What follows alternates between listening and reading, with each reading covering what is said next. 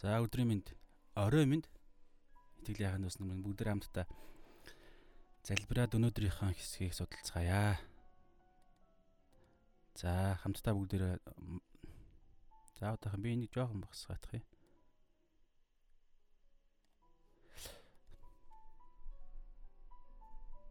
За за бүгд хамтдаа залбирая. Тэгээд өнөөдрийнхөө үгийг хамт судалцгаая.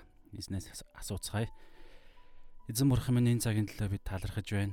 Тэгээд эзэн дотор минь суйрлуулсан өөрийнхөө агуу гайхалтай хүч чадалтай ариун сүнсээр дамжуулан сул дорой аа гимтэй харалган бид бүгдийг эзэн та нүдийг минь нээж бид бүгдийг та итгэлийн амьдралын үнэн дотор зөвхөн таны үнэн дотор алхахад та удирдаач эзэн оюун санаагаа бид таны үнний өмнө шинжлүүлж өөрчлүүлэхэд өөрчлүүлэхийг бид хүсэж байна эзэн минь буруу зүйл бодож байсан бол та энэ цаг мөчөд засаач тэгээд дорой бид бүгдээр дамжуулан та яриач хэмээ Есүсийн нэрээр энэ цагийг Бурхан аав тань даатан залбирч байна. Амен. За тэгээд бүгдээр хамтдаа аа өнөөдрийнхөө хэсгийг уншицгаая. За өнөөдрийн хэсэг бол Матай 7 дугаар бүлэг 21-с 23 дугаар ишлэл байна. За тэгээ би уншия. За намайг эзэн минь эзэн минь гэсэн болгон Тэнгэрийн хаанчлалд орохгүй. Харин Тэнгэрт байгаа эцгийн минь хүслийг үйлдэх чинь л орно. Тэр өдөр надад олноороо эзэн минь эзэн минь бид таны нэрээр иш үзүүлж, таны нэрээр чөтгөрүүдийг хөөж, таны нэрээр олон гайхамшигыг үйлдэж байсан босуу гэх болно. Тэгэхэд нь би тэдэнд би та нарыг танихгүй, ёс ёс бусыг үйлдэгч та нар надаас зайл гэж хэлнэ. Амен. За тэгэхээр бүгдээ хамтдаа өнөөдрийнхөө хэсгийг ярилцаж эхлэхээс өмнө ерөнхийдөө ямар зүйл, ямар хам сэдв дотороо, ямар номлолын ярилцлал ярилцлагын дунд эзэн ийшээ орж ирж байгаа байлаа бүгдээрээ санацгаая. Тэгэхээр Матай 5-аас 7 дугаар бүлэг бол уулан дээрх сургаал гэдэг Есүс Христийн уулан дээр суугаад сургасан бүлэг сургаал байгаа. Тэгэхээр ерөнхийдөө 7 дугаар бүлэг одоо ингээд дуусах тийшээ хандж байгаа. Тэгэхээр энд юу болж байна вэ гэхээр Есүс урд нь ярьсан бүх тэр а хилчлэлт үннүүдээ одоо ингээд ерөнхийдөө эмхтгэж базаж те. Одоо бид нар яг ингэж төгсгөлийнхаа дүгнэлтийг одоо энэ бүгдийг хэрэгжүүлэхэд ийм зүйл чухлаа.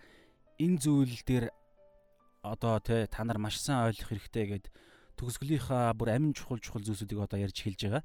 Тэгэхээр одоо бүгдээ харъя л да. Энэ Матай 7 дугаар бүлэг дээр юу юу яригдсан бэ гэхээр алтан дүрм гэж хэлж байгаа шүү дээ төгсгөлийн одоо дүгнэлт гэж хэлж болно бус би бусад хүмүүсийг надтай яаж харьцаасаа юу хийж өгөөсэй гэж хүснэ. Би өөрөө тэднэрт тэгж үйлдэх талаар ярьсан. Тийм дүрм, амьдралын дүрм, журмыг эзэн хэлсэн.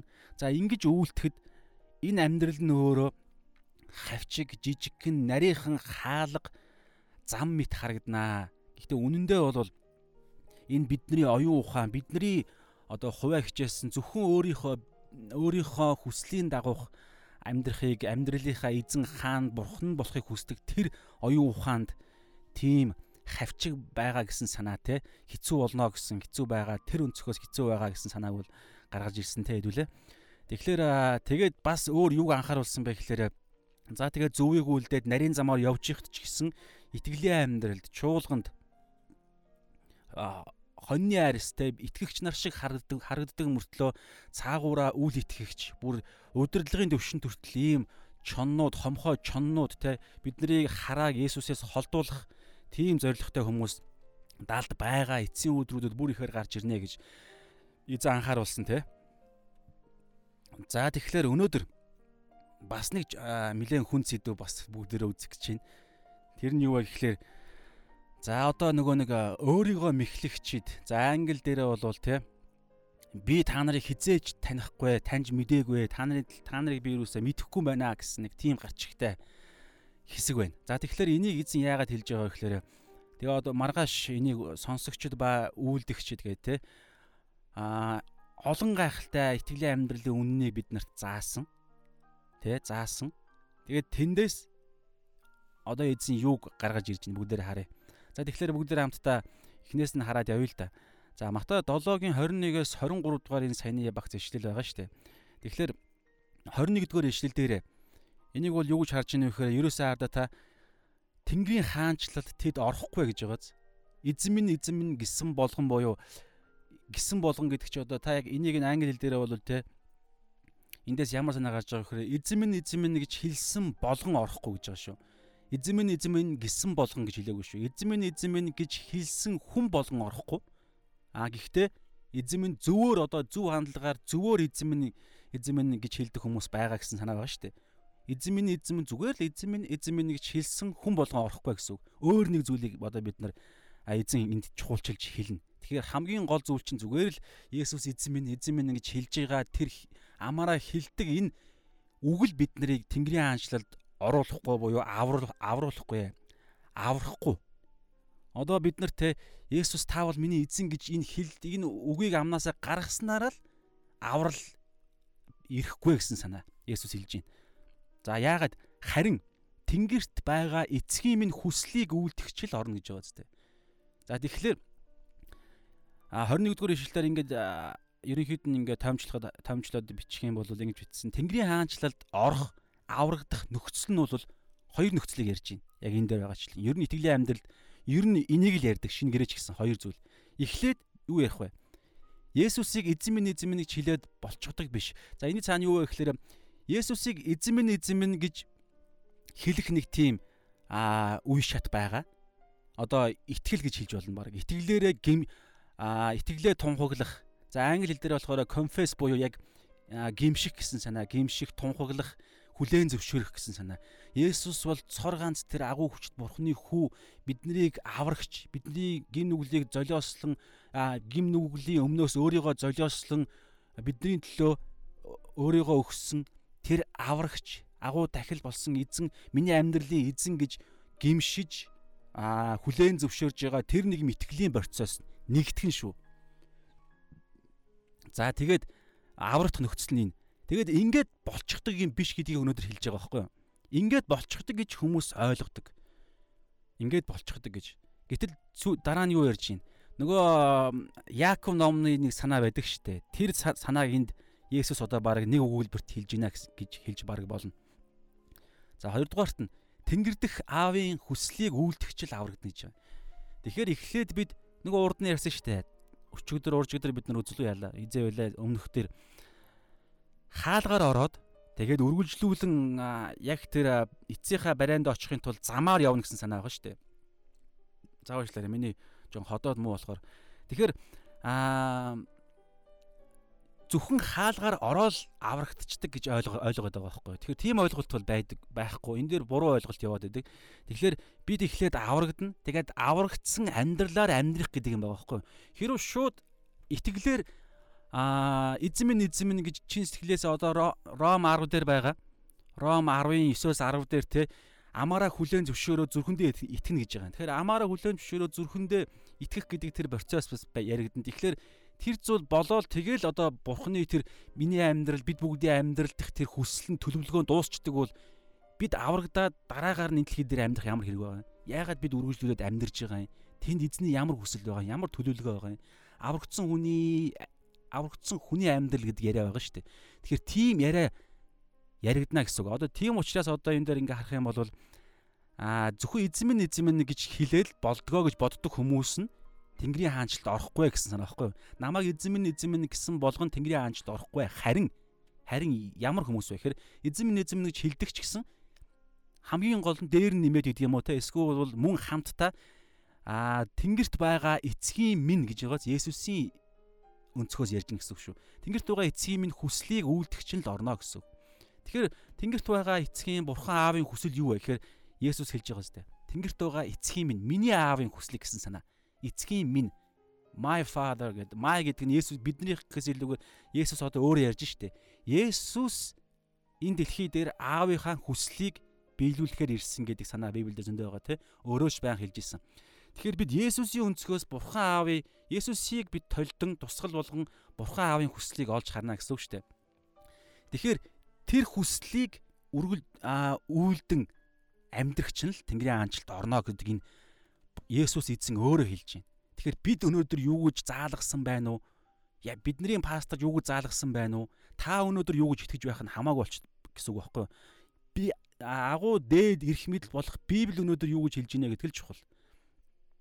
Зүгээр л итгээд тэгээд дараа нь юу ч болох шаардлагагүй, юу ч болж болно гэсэн тийм ойлголт ойлголтыг болохоор одоо энэ сүулд нь би гаргаж э, битсэн хямдхан дутуу хүчгүй нэгүсэл гэж ирнэ. Тийм хиллэг байдаг л да. Тэгэхээр тийм зүйл яригддаг. За тэгэхээр бүгд хамтдаа ингэ чааш нь хараад явъя. Тэгэхээр юу болж байна?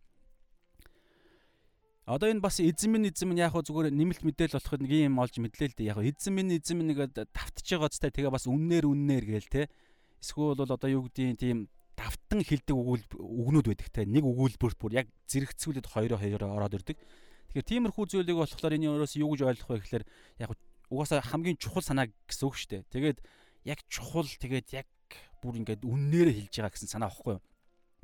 Одоо яг үннээсээ чин сэтгэлээсээ өөрөө тэрэндээ бүр маш итгэж үннээр үннээр эсвэл эзэмэн эзэмэн гэж хэлсэн. Ягаад гэвэл тухайн одоо хэрв битсэн бол магадгүй зүгээр л нөгөө нэг тодруулцдаг штэ. Ингээд нөгөө доогуурн зурдаг ч юм уу эсвэл ингээд нөгөө нэг яадаг штэ. Bold гэдэг те Windows дээр bold гэдэг bold гэдэг юу байгаа штэ. Тодруулдаг одоо бид энд байна штэ те эзэм гэдгийг би тодруулсан шиг ийм одоо бичлэгийн хиллэг бол тухайн үедээ библийн цаг үед байгаагүй штэ. Одоо ингээд те би энгийн болголоо, боолд болголоо. Тэгэхээр тийм учраас энэ нэг юм цаад одоо нөгөө нэг чухалчилж байгаа санаагаа чухалчилж байгаа үгээ эсвэл бүр цаад зүрхнээс нь гарч байгаа гэсэн тэр нэг үгээ ингэж давтан хэлдэг гэж байгаа байхгүй. Тэгэхээр юу хэлэх гээд байна вэ гэхээр эзэн минь эзэн минь гэж энэ хүн эдгээр хүмүүсүүд өөрсдөө итгээд байгаа байхгүй. Эзэн минь таавал миний эзэн гэсэн нэг юм итгэл байгаад байгаа юм.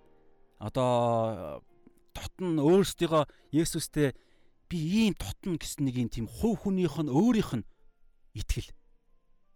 Бурхны итгэл биш.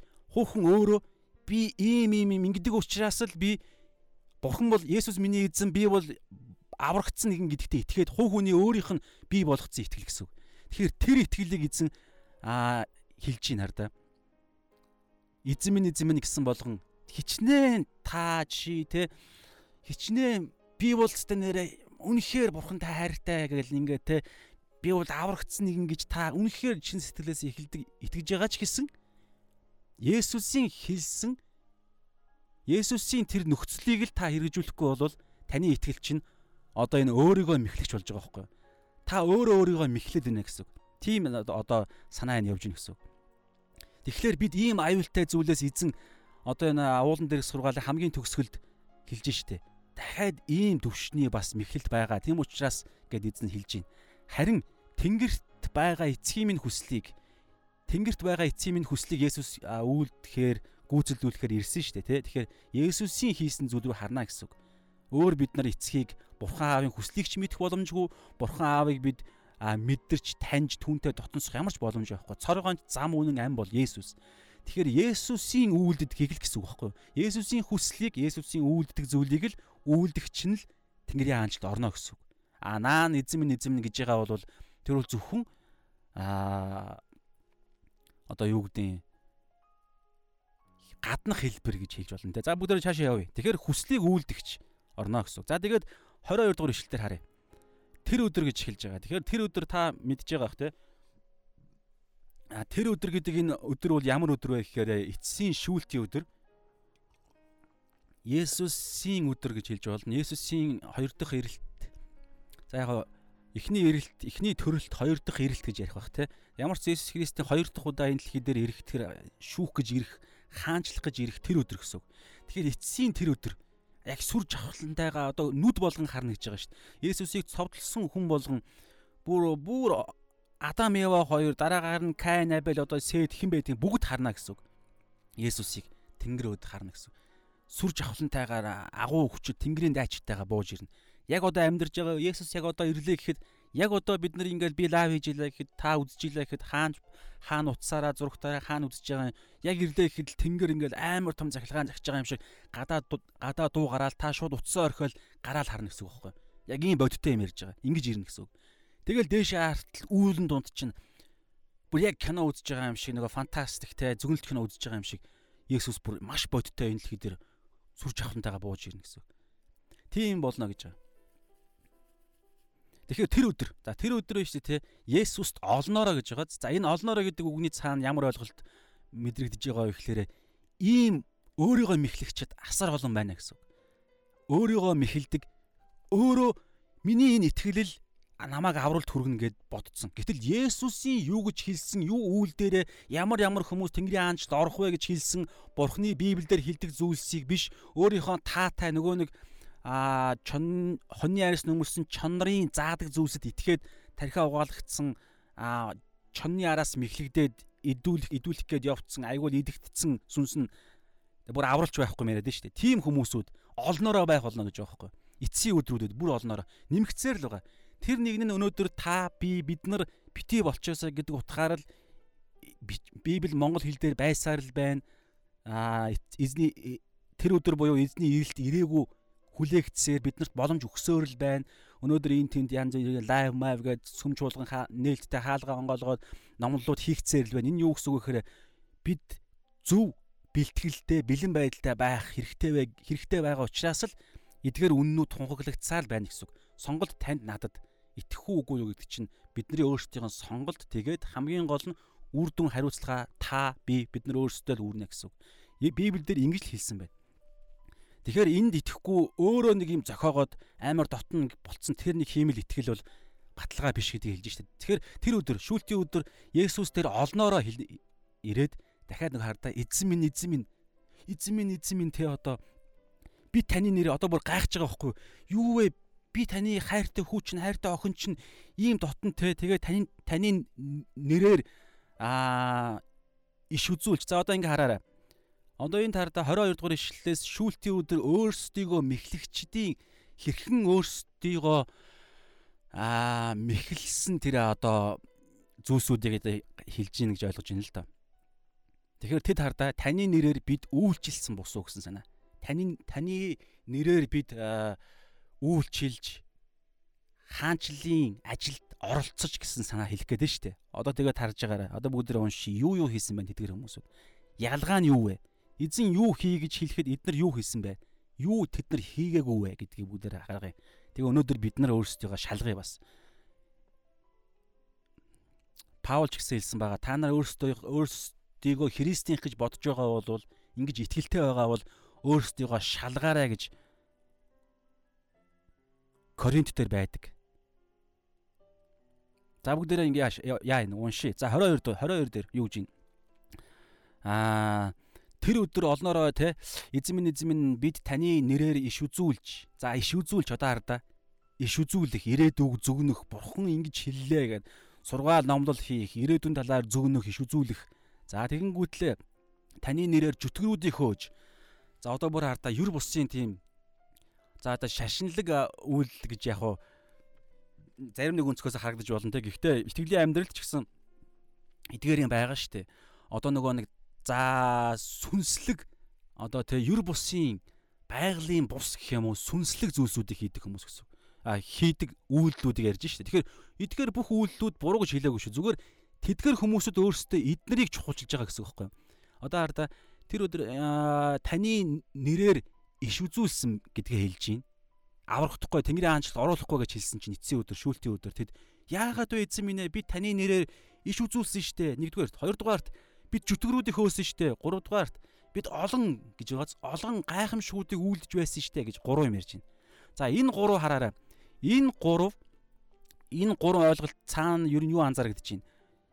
Аа одоо юу гэдэг нэг юм үйлчлэл эсвэл бол тэг ер нь үйлчлэл талдаа бусдад харагдахын тулд а бас нөгөө нэг юу одоо яг хувийнхаа амьдралд биш а чуулганы амьдрал гэх юм уу а бусдад үйлчлэх амьдрал бурхны бурхныг байрж одоо тэгж хийх тэр амьдрал одоо тийм хоёр дахь амьдрал гэдэг юм уу ер нь хувь өөнийхөө амьдралын хийсэн юм ерөөс яриаггүй байгааз те хамгийн гол нь яаж үйлчлсэн үйлчлэлээ ярьж байгаа.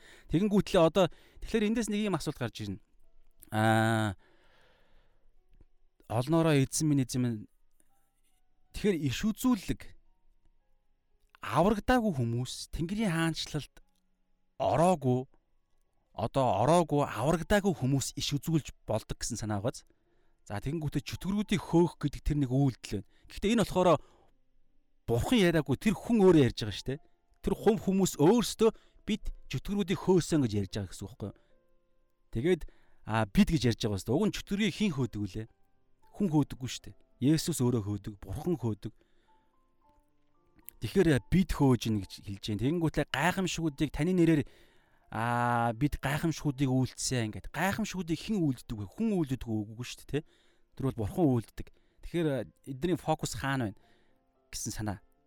Тэгээд хамгийн гол нь тэд нар нэг тийм аа тийм тэгэхээр түрүүний ярьжсэн те итгэгч Библиэлд ч гэсэн та ингээ анзаарах юм бол а хуучин гэрээн дээр ч гэсэн энэ тэнд ингээд байдаг те гайхамшгуудыг бурхан юугаар бол юугаар үлдэж чаддаг.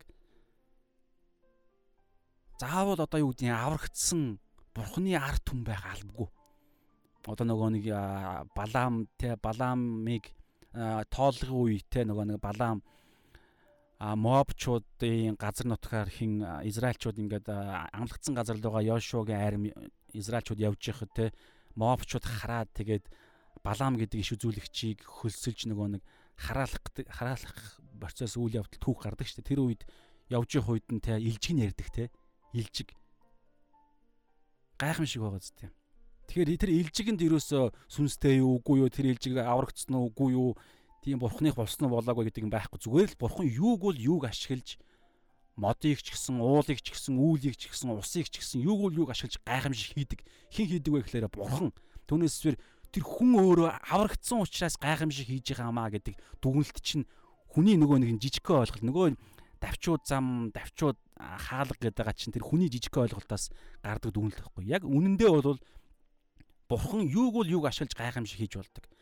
Египтчүүдийг гарахад 10 гайхамшиг гэж хэлдэг. Нөгөө талаас гамшиг гэж ярьдаг зүйл чинь бурхан дандаа л тийм амьгүй амьгүй гинэ аа байгалийн зүйлсийг ашиглаж гайхамшиг хийж байгаа зү бурхан өөрөө.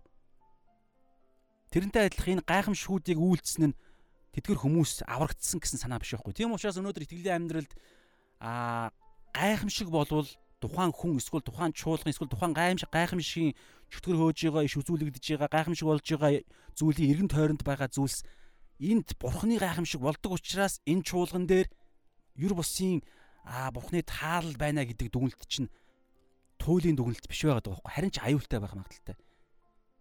Хамгийн гол зүйл юу вэ гэдэг зүйл нь маш чухал гэдэг нь тэр тэр зүйлээр л өнөөдөр Тэнгэрийн аанчд орох уугүй юу гэдэг юм яригдэн. Тэр нь юу вэ? Түрүүн бид нар ирсэн шүү дээ тэнгэрт байгаа эцгийн минь хүсэл гэж байгаа. За тэгээ бүгдээрээ юу харъя. Тэгээ олноороо гэж гисэн те. Олноороо тийшээ орж яана гэхээр олноороо ингэж төөргөдөл дунд ийм аа нөгөө нэг ийм юу гэдэг үлээ. Хуйлэрсэн те юм аа нөгөө Тэ ер нь олноороо ингэж тууширдаг те тууширдаг тийм ойлголт. Тэгэхээр олон хүмүүс туушраад нэг юм руу яваад бол энэ үнэн гэдэг юм чинь аюултай байна шүү. Итгэлийн ахын дүүс нар минь бид Библиэлд юу гэж бичсэн бэ? Тэр нь үнэн гэж явахгүйгээр олноороо олон гайхамшиг болж гин олон иш үзүүлдэг тэр нь бодиттой үнэн биеллээ ч юм уу те олон чөтгөр саллаа энэ хүний үйлс үйлчлэлээр гэтэл тэр хүн өөрөө анханасаа аврагдаагүй ч мөртлөө тийм хийх боломжтой байгаа байхгүй. Тэгээд тэр Есүсийн нэрэнд нь л гайхамшиг байна уу гэхээс биш тэр тэр нэрийг ашиглаж те одоо юу гэдгийг чөтгөрийг үнэхээр хөөсөн байлаа гэж бодоход тэр хүнд нь аврагдсан байх гэсэн баталгаа байхгүй байгаа байхгүй. Юу тэр хүний үнэхээр аврагдсан Тэнгэрийн аанчлалд орох хүн гэж хэлэх вэ гэхээр эцсийн цаг өдөр тэр өдөр яана гэж байна. Эцгийн хүслийг үйлдэх хүн гэж байгаа байхгүй. Тэгэхээр бүгдээр одоо цааш нь ярина. Тэгвэл тэр гол зүйл чи юу вэ? Юуг ямар үйлс тэгээ ямар зүйл эзний хүсэл бурхан аавын хүсэл вэ гэдгийг одоо бүгдээрээ гаргая. За тэгэхээр 23 дээр нэг юм санаа байгаа. За аа за одоо 23 дээр аа шүүлтийн өдрийн гол шүүлт одоо гол шүүх тэр нөхцөл нь гэж хэлж байгаа юм бол яг дахиад автж байгаа учраас би тэгээ бүгдээр уншия.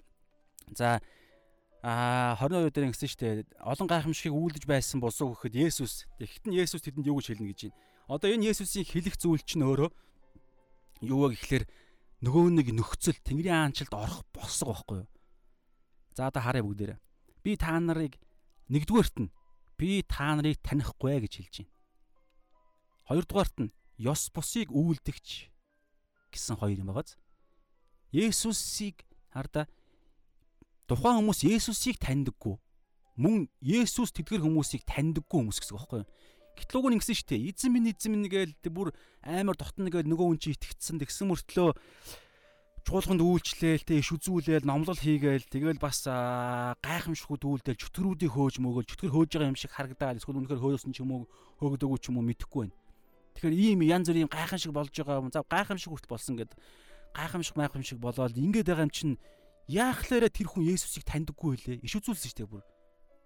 Нэг талаараа номлол гэж хэлж болно. Бурхан ингэж хэлж байна гэж Библийн ишлэлийг бариад Тэгэхээр яагаад тэр хүн Есүсийг танихгүй гэж байгаа юм? Яагаад бас Есүс хамгийн гол нь ингэж байгаа шүү. Би та нарыг танихгүй гэж байгаа. Тэгээд энэ англи орчуулган дээр маш гоё санаа байгаа. Манай монголчууд энэ дээр орчуулаагүй байна. Дараа нь орчуулах юм уу мэдэхгүй. Одоо бүгд харъя л да. Англи дээр ингэж байгаа зү. I never knew you. Never хизээч гэсэн үг байхгүй. Never knew you. За энийг монголоор орчуулах гээд үзье ихтэй жоохон хэцүү болохоор орчуулаагүй юм мэдэхгүй байна. Би та нарыг танихгүй гэж байгааз цаана байгаал ах л да. Гэхдээ англи хэлнээр их гоё. Never knew you гэдэг чи одоо би та нарыг хизээч харж байгаагүй гэж хэлж болно. Би та нарыг хизээч мэдэж байгаагүй гэж хэлж болно. Хизээч гэдэг хэллэг байхгүй. Урд нь мэддэг байснаа одоо та нар өөрчлөгдчихлөө гэж хэлээг байхгүй.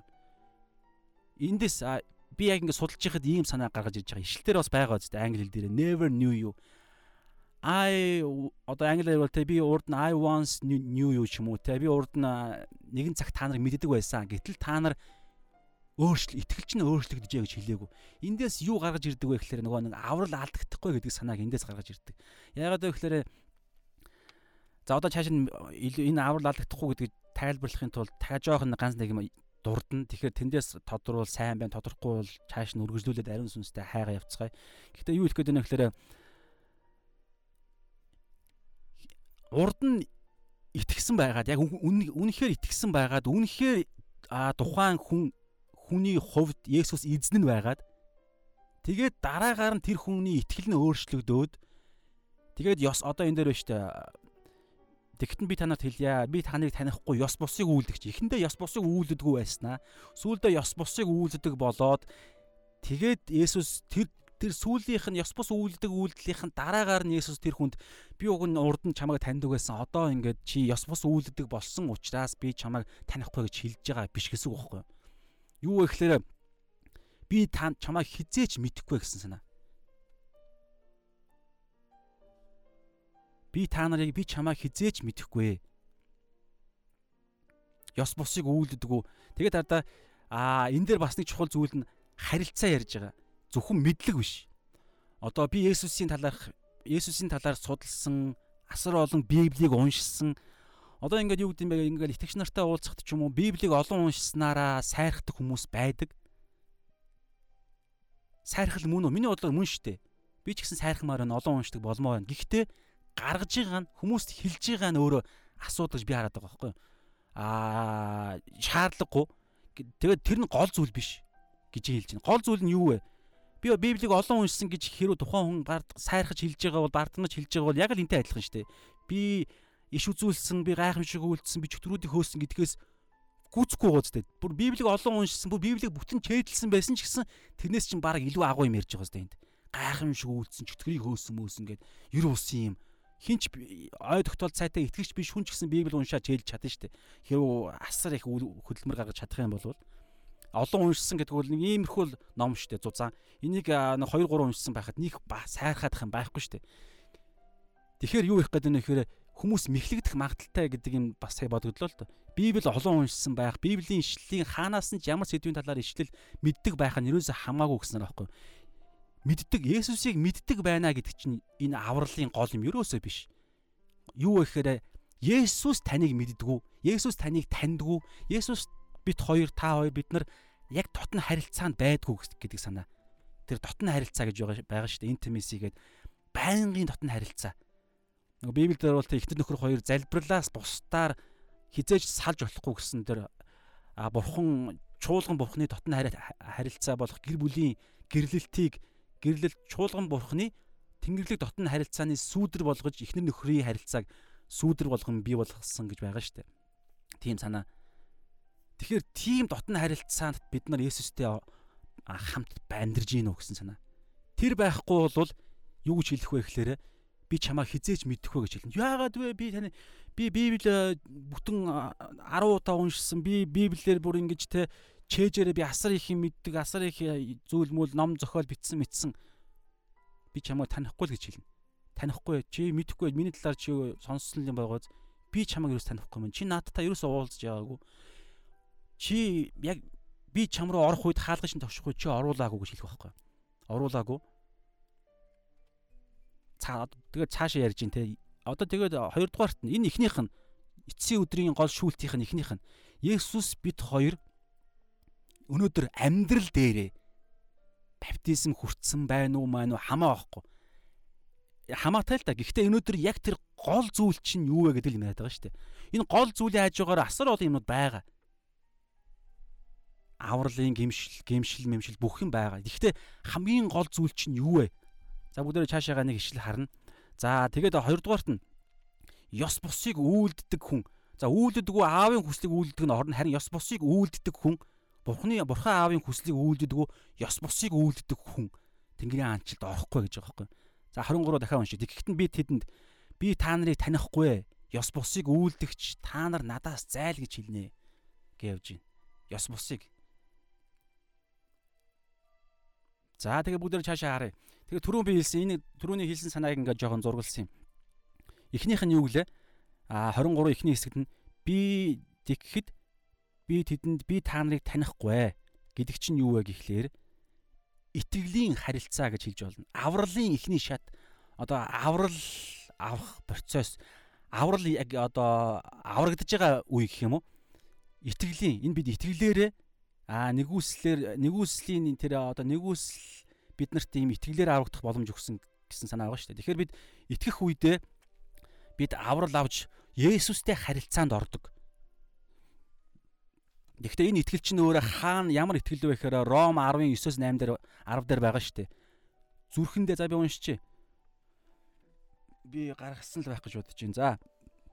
Ром 19-9-10 дээр ингэж байна. Аа хэрв та Есүсийг эзэн гэж амаараа хүлээн зөвшөөрч энэ дэр хүлээн зөвшөөрөх гэдэг дээр англи дээр бас King James дээр бол confess гэж байгаа. Гимших. Амаараа гимшиж хүлээн зөвшөөрч тунхаглах юм бол гэсэн санаа байгаа. Еврей хэлэн. Тэгээд ингээд бусад хэллүүдээр яг тухайн санааг нь гаргахад хэцүү учраас янз янзын үгүүд орлол үгүүдээр орчуулдаг штеп. Тэгэхээр цаана гимших гэж байгаа, хүлээн зөвшөөрөх, тунхаглах гэсэн санаа байгаа. Тэгэхээр амаараа ингэн тэгэнгүүтлээ хамгийн гол энэ хоёр ч хамт явж байгаа. Таслалтай Нёгийг нь орхиж болохгүй гэсэн үг байхгүй юу? Бурхан түүнийг үхгсдээс амьлуулсан гэдэгт зүрхэндээ итгэвэл гэж байгаа зү. Тэр үед л аврагдана. Түүнээсээ зөвхөн амаараа хүлэн зөвшөөрөөд аврагдана гэж хэлээгүй. Бурхан түүнийг үхгсдээс амьлуулсан гэдэг зүрхэндээ итгэвэл зүрхэндээ гэж байгаа шүү. Бод толгоондоо итгэж гинэ гэж бодох юм яриаггүй. Зүрхэндээ хүн зүрхний бэлхлаар ам ярддаг, зүрхний бэлхлаар хүн амьдралынхаа зорилгоо бий болгодог, хүсэл нь тодорхойлогддог. Зүрхэнд нь юу вэ? Цөмд нь. Өнөөдөр а мөнгөийг үхэн хатан явж мөнгөний хойноос авилгал авч бөө юм болж байгаа нэгний зүрхэнд нь юу байгаа вэ гэхээр шунал байгаа, хувийн хүслүүд байгаа шүү дээ. Тэгэхээр тэр зүрхэнд нь байгаа хүслээс нь л наан байгаа зүйлсүүд нь гарч байгаа гэсэн үг. Тэгэхээр яг энтэй адилхан зүрхэндээ Есүс бурхан Есүсийг бурхан аав үхгсдээс амьлуулсан гэдэг чи өөрөө цаана юу хэлж ийнэ гэхээр нөгөө нэг авралч нь төгс хийсэн, үхлийг ялсан, гим нүглийг ялсан Нөгөө Есүсийн асар том сайн мэдээ чинь тэр чигээр орж байгаа гэсэн үг байхгүй. Тэгээд 10-ыг бүдэр уншия. Одоо энэ дээр хартаа хүн зүрхэндээ итгэн зүрхэндээ итгэн шүү. Толгоодоо итгэх юм ерөөс яриаггүй шүү. Энэ ялгаатай шүү. Асар ялгаатай. Зүрхэндээ итгэс итгэж байгаа хүн амнаас нь энгийн үедээ ч гэсэн маар занахтаа ч гэсэн үргэлж зүрхэнд хэмнийх нь үнэр нь өнгө нь ялгарч идэг. А толгоондоо итгэдэг мөртлөө зүрхэндээ шал өөр юмд итгэдэг хүн байлаа гэж бодоход нөгөө нэг үйлсээрээ танигдна гэдэг шиг тэ а үр жимсээрээ модон танигдна гэдэг шиг гиндүүлж гиндж байгаа зүрхэнд нь юу байгаа нь илэрчдэг байхгүй бид нар ингээд нөхөрлөлүүдээр элдв анзын чөлөөт цагуудаар анзаарэгддэг зарим хүмүүсүүдийнх яг зүрхэнд нь энэ ярьж байгаа зүйл нь байхгүй нөгөө хоёр нүүр гэдэг ойлголт чинь ярьж байгаа зүйл нь амьдрал дээр амьдрал дээр явах ёс суртахууны тэр хим хэмжүүр нь ондоо хүмүүс мэдэгддэг байхгүй. Тэгэхээр зүрхэндээ юм яриад байгаа шүү дээ. Зүрхэндээ итгэн зөвхт байдал хурж амаараа хүлээн зөвшөөрч амаараа гимшил гимшин хүлээн зөвшөөрч авралт хүрнэ гэж байгаа. Тэгэхээр энэ тарда эхний санаа бол энэ байсан шүү. А итгэлээр тэр зүрхэндээ итгэн амаараа хүлээн зөвшөөрч тэгээд бид нар аврагддаг буюу Есүстэй харилцаанд харилцаанд орж эхэлдэг. Энэ болохоор ариун сүнс. Йохан 3:5 дараа ингэж байгаа шүү дээ. Йохан 3:5 дараа нөө Никодемтэй Йох уулзж явахдаа те шөнөөр Никодем ирээтэй фарисеа шүү дээ. А ярих үед Есүс хэлдэг шүү дээ. Сүнс ба уснаас сүнсээр дахин төрөхгүй бол хүн Тэнгэрийн хаанчлалд орохгүй гэж ярьж байгаа. Ариун сүнсээр. Тэгэхээр энэ итгэх үед бидний дотор ариун сүнс орж ирдэг. Дахин төрнө гэсэн. Жинхэнэ итгэл ярьж байгаа шүү энд түүнсээр наатах юм яриаггүй. Гэхдээ эндээс энэ ингээд янз бүрийн байдлаас болж те тухайн амьдралын эсвэл тухайн нутгийн чуулганы янз бүрийн сул дорой байдлаас болж энд удаашрал явагдах байх л та. Гэхдээ гол энэ Библийн дагуух юм чи ерөөсөө л энэ. Итгэх үед зүрхэндээ итгэн амаараа хүлээн зөвшөөрч зүрхэндээ итгэх гэдэг ойлголт өнөөдөр буддагийн буддагийн шүтлэгтэй монголчуудад баг байдаг юм уу мэдэхгүй байна. Буддаа бид нар За бид нар ч ихгүй би багадаа шүтдэг байсан юм уу мэдэхгүй байна. Хүүхэд байхасаа л бид цуглаанд явж ирсэн. Гэхдээ ер нь монголчууд буддаа шүтгэхдээ зүрхэндээ итгэн шүтнэ гэдэг ойлголт байхгүй байна. Энэ юусоо яг тийм шашинлаг мухар сүсгэлэг ингээд нэг юм өргөл барьц бариа. Тэгэл зөвхөн өөрийнхөө хэрэгцээгээл тухайн заслаа засуулахын тулд тухайн жилээ өөрийгөө сайн сайхан байхын тулд түнсээ нөгөө буддаа гэдэг нь бурхан ямар бурхан бурхан ингээд өө судалж модлаад ингээд тийм байд юм уу мэдэхгүй. Тэгэхээр зүрхэндээ итгэн зөвхт байдалд хүрч амаараа хүлэмж тэгснээр харилцаанд ордог. Тэгээд ариун сүнснээс дахин төрөх процесс чинь тэнд явагдана. Тэгээд бид ариун сүнстэй болцсон учраас бид Есүс Есүсийн сүнс дотор орцсон учраас бид Есүстэй байнгын нөгөө нэг түүний ярьж байгаа дотн харилцаанд орох боломжтой болж байгаа байхгүй. Тэгээд ингэснээр яах яах вэ гэхэлэр одоо энэ хоёр дахь нөгөө шүүлтийн өдөр аа бид аврагдах хоёр дахь шалгуур нь энэ шүү дээ. Эхнийх нь бид Есүст үнэхээр итгэсэн юм уу зүрхэндээ? Итгэсэн юм уу гэдэг.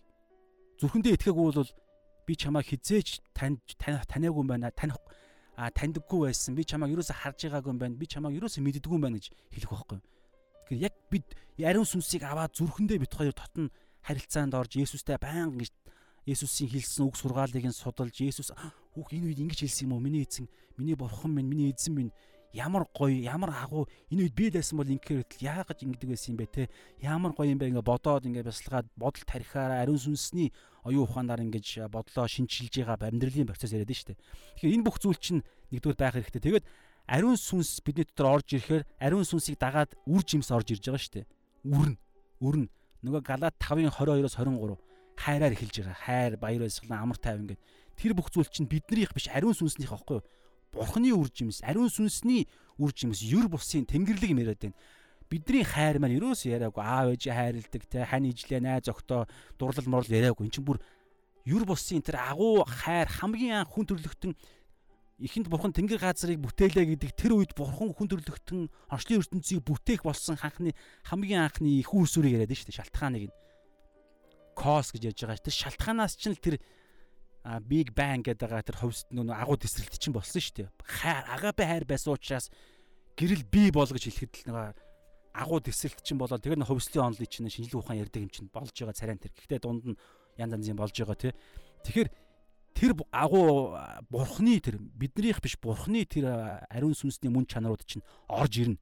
Энэ одоо яг ихтгэл аврагдах шалтгаан авраг авсан хүний аврагдах нөхцөлийг ярьж штэ. Эхнийх нь болохоор бид зүрхэндээ итгэн амаараа хүлэн зөвшөөрж ариун сүнсийг аван сүнсээ дахин төрөн Есүстэй харилцаанд орсон бол энэ аврал яригдана. Энэ аврал ерөөсөө алдагдахгүй гэдэг чинь энэ байхгүй юу? Энд. Гэхдээ харж байгаарай. Болоогүй.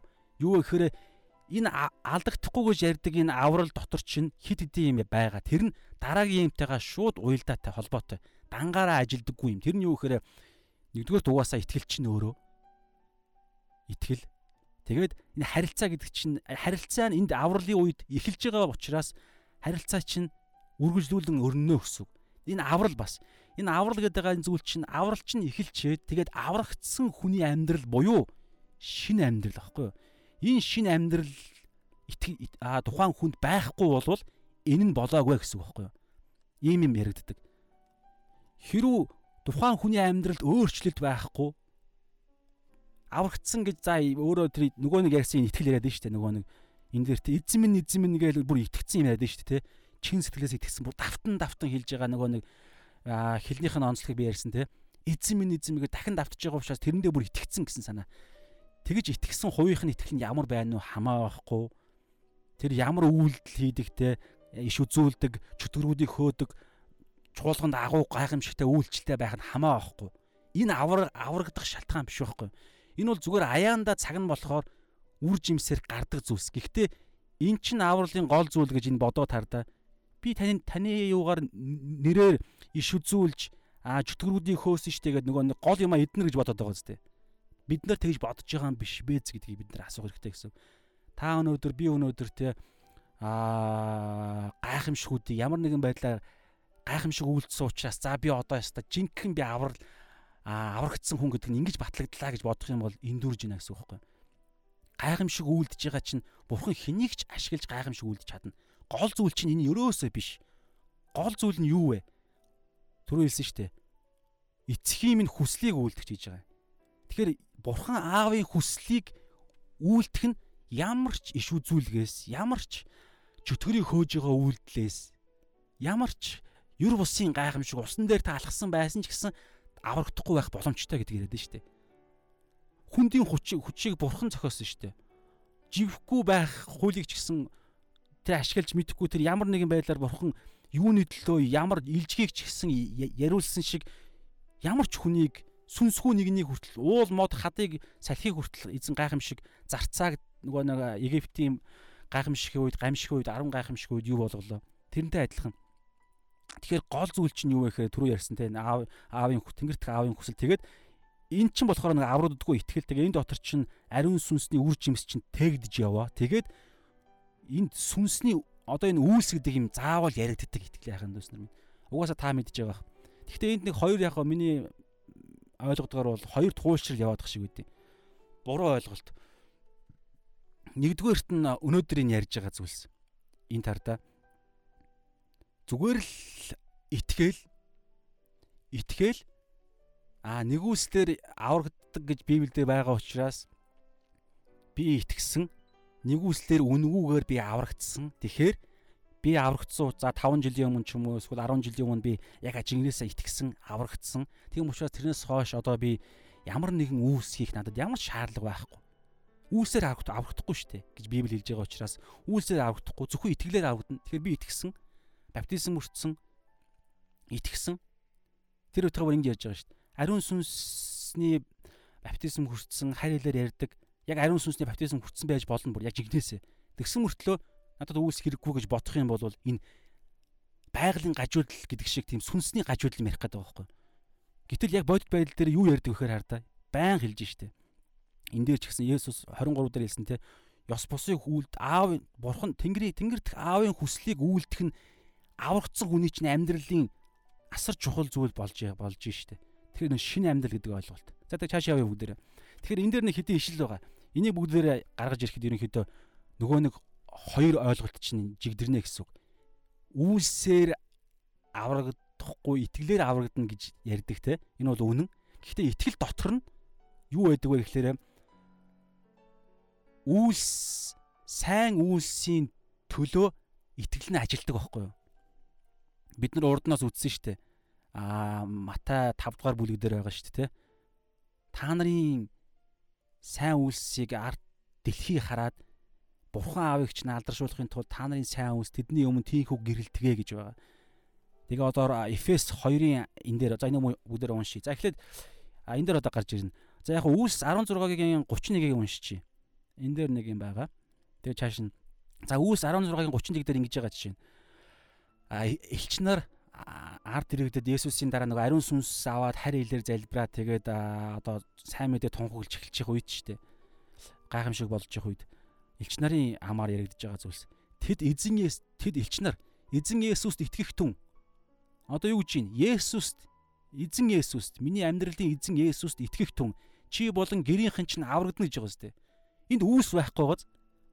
Үүс гэж яриаггүй байх, сайн үүс гэж яриаггүй байх, бурхан аавын хүсэл мөсөл ерөөсөө байхгүй гоц тээ. Тэгсэн мөртлөө зөвхөн Есүс итгэл аврагдаж болно гэж байгаа юм шиг уншигдэж байгааз. Гэхдээ үгүй ээ. Яагаад вэ гэхээр энэ Есүс Есүст итгэнэ гэдэг нь ойлголт чинь юу вэ гэдэг дээр та үнэхээр аврагдсан хүн бол ариун сүнс чинь танд ойлгуул танд ярьж байгаа л гэсэн үг.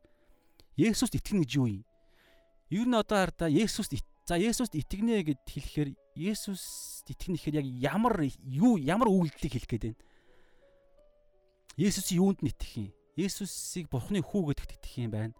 Миний амьдралын эзэн гэж итгэх юм байна. Энэ хоёр нөгөө чуулганы суурь болсон те та бол Христ амьд Бурхны хүү гэдэг нь энэ хоёр чинь бүх зүйл яригдэн шүү дээ. Ядаж л хамгийн базлаа базлаа гэхэд энэ хоёр зүйл яригдэн шүү дээ. Та бол Христ гэдэгт итгэнэ гэсэн. Христ гэдэг чинь юу юм? Дослогдсон, томилогдсон аа хаан гэсэн үг дээ. Месиа еврейгээр, а грекээр Христ. Та аа дослогдсон, томилогдсон хаан. За Есүс ч өөрөө аврагч гэсэн үг те. Тэгээд эзэн Есүс та бол Христ амьд бурхны хүү. Амьд бурхны хүү гэдэг нь ойлголт чинь Есүсийг бурхан гэдэгт итгэнэ гэсэн үг шүү дээ. За одоо ингээ илчгэд цаана асар олон юмд итгэх итгэх итгэлд авцнаа гэсэн үг байхгүй. Итгэх шаардлага, итгэх дуудлага яригдана гэсэн үг. Тэгвэл Есүс бурхан юм бол 3 жилийн үйлчлэл, 3 жилийн заавар, тушаал ингэж амьдраараа гисэн болгонд нь бид итгэнэ гэсэн үг болж таарна шүү дээ. Тэгэхээр юу ярьсан Иесус? Сая уулан дээрх сургаалаар бид нар энэ хэдэн 7 хоног баг 4 7 хоног болоход асар их юм одоо ингээд үзэл явж шít. Тэр болгон дээр итгэнэ. Аа тэгээд зөвхөн итгэх биш үйлдэх юм яригдэн штэ. Одоо энэ дээр байгаа тий. За ингээд цааш нь уншихад ишлүүдээр гараад ирнэ. За тэгэхээр Есүст итгэнэ гэдэг дотор чинь нөгөө яриад байгаа энэ сайн үйлс, шинэ амьдрал, ариун сүнсээр амьдрах бүгд орно гэсэн үг. Гэтэл энийг нөгөө нэг чонны хоны айрс нөмсөн чонноор зөвхөн итгэхэд л болно гэд аа нөгөө нэг энэ хямдхан нэгүсэл гэдэг энэ ойлголт байдаг. Дутуу одоо юу гэдэг хүчгүй хямдхан нэгүсэл cheap grace гэдэг Тэгэхээр тим итгэл гэж хүмүүст ойлгуулах магадaltaй. За тэгэнгүүтлээ Эфес одоо энэ дээр маш бүр бүр тодорхой гарч ирнэ. Эфес 2-ын аа 8-аас 10-ыг уншия. Энд бүр маш гоё тест дараагаараа байгаа. За За би уншлаа. Нэгүслийн учир гэж байгаа шүү. Нэгүслээс болж гэсэн үг. За нэгүслийн учир итгэлээрээ аврагдсан нь. Нэгүсэл биднэрт итгэлээрээ аврагдах тийм боломж өгсөн гэсэн. За нэгүслийн учир итгэлээрээ аврагдсан нь бид аврагдсан юм байна. Гэхдээ энэ нь та нараас бишээ. Харин бурхны бэлэг гэж байгаад юу ч хийгээгүй өгөгддөг бэлэг. Биднэрт юу ч хийгээгүй. Бөгөөд үйлсээр чинь биш тул хинч үл сайрхнаа гэж байгаа зү. Бид ерөөсөө энд үйлс яригдаагүй. Гэхдээ эн чинь түрүүн үйлс яриад ингээл үйлс хэрэгтэй эцгийн минь хүслийг үйлддэг мүүлддэг нь тэнгэрийн аалчд орно гэдэг хад ягаад энэ үйлс биш болчихоо гэдэг. Тэгэхээр энд чинь энэ авралын үе энэ аврал бий болоход үүс ерөөсөө ороогүй гэдэг байхгүй гэдгийг хэлж байгаа байхгүй. Одоо энэ хараа нэгүслийн учир итгэлээрээ аврагдсан нь гэж байгаа хэвээр. Эн чинь гол үг нь. Аврагдсан нь та нараас бус харин Бурхны бэлэг бөгөөд үйлсээ чинь биш тул хинч үйл сайрхна. Тэгэхээр бид аврагдахад биднийг аврагдахад ямар ч үйлс бидний үйлс шаардлагагүй байсан.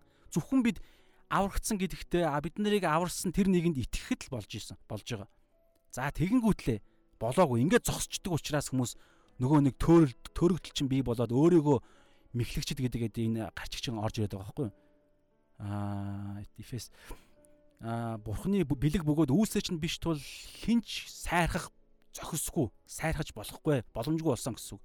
За тэгэнгүүтлээ одоо хардаа маш чухал хэсэг. Учир нь бид сайн үйлсийн төлөө одоо хардаа яагаад энэ аврал нь яагаад гэвэл ийм үнгүү өгцөн юм яагаад бурхан биднэрт ямар ч үүс шаардлагагүйгээр үнгүй юм гайхалтай нэгүслэр ийм гоё авралыг биднэрт ямар ч үүсгүйгээр зүгээр майга бэлэг гэд өгсөн зоригтой яах гэж ингэж өгсөн бэ гэхлээр учир нь 10 дугаар эшлэл бид сайн үйлсийн төлөө гэж байгаа сте бид сайн үйлсийн төлөө нэгдүгээрт хоёрдугаарт нь Христ Есүс дотор бүтээгдсэн түүний бүтээл мөн бурхны бүтээл мөн гэсэн Тэгэхээр энэ авралын зорилго гэж байна. Нөгөө ярьж байгаа шинэ амьдрал, аврагдсан хүний амьдрал чинь гол фокус байгаад байгаа байхгүй юу?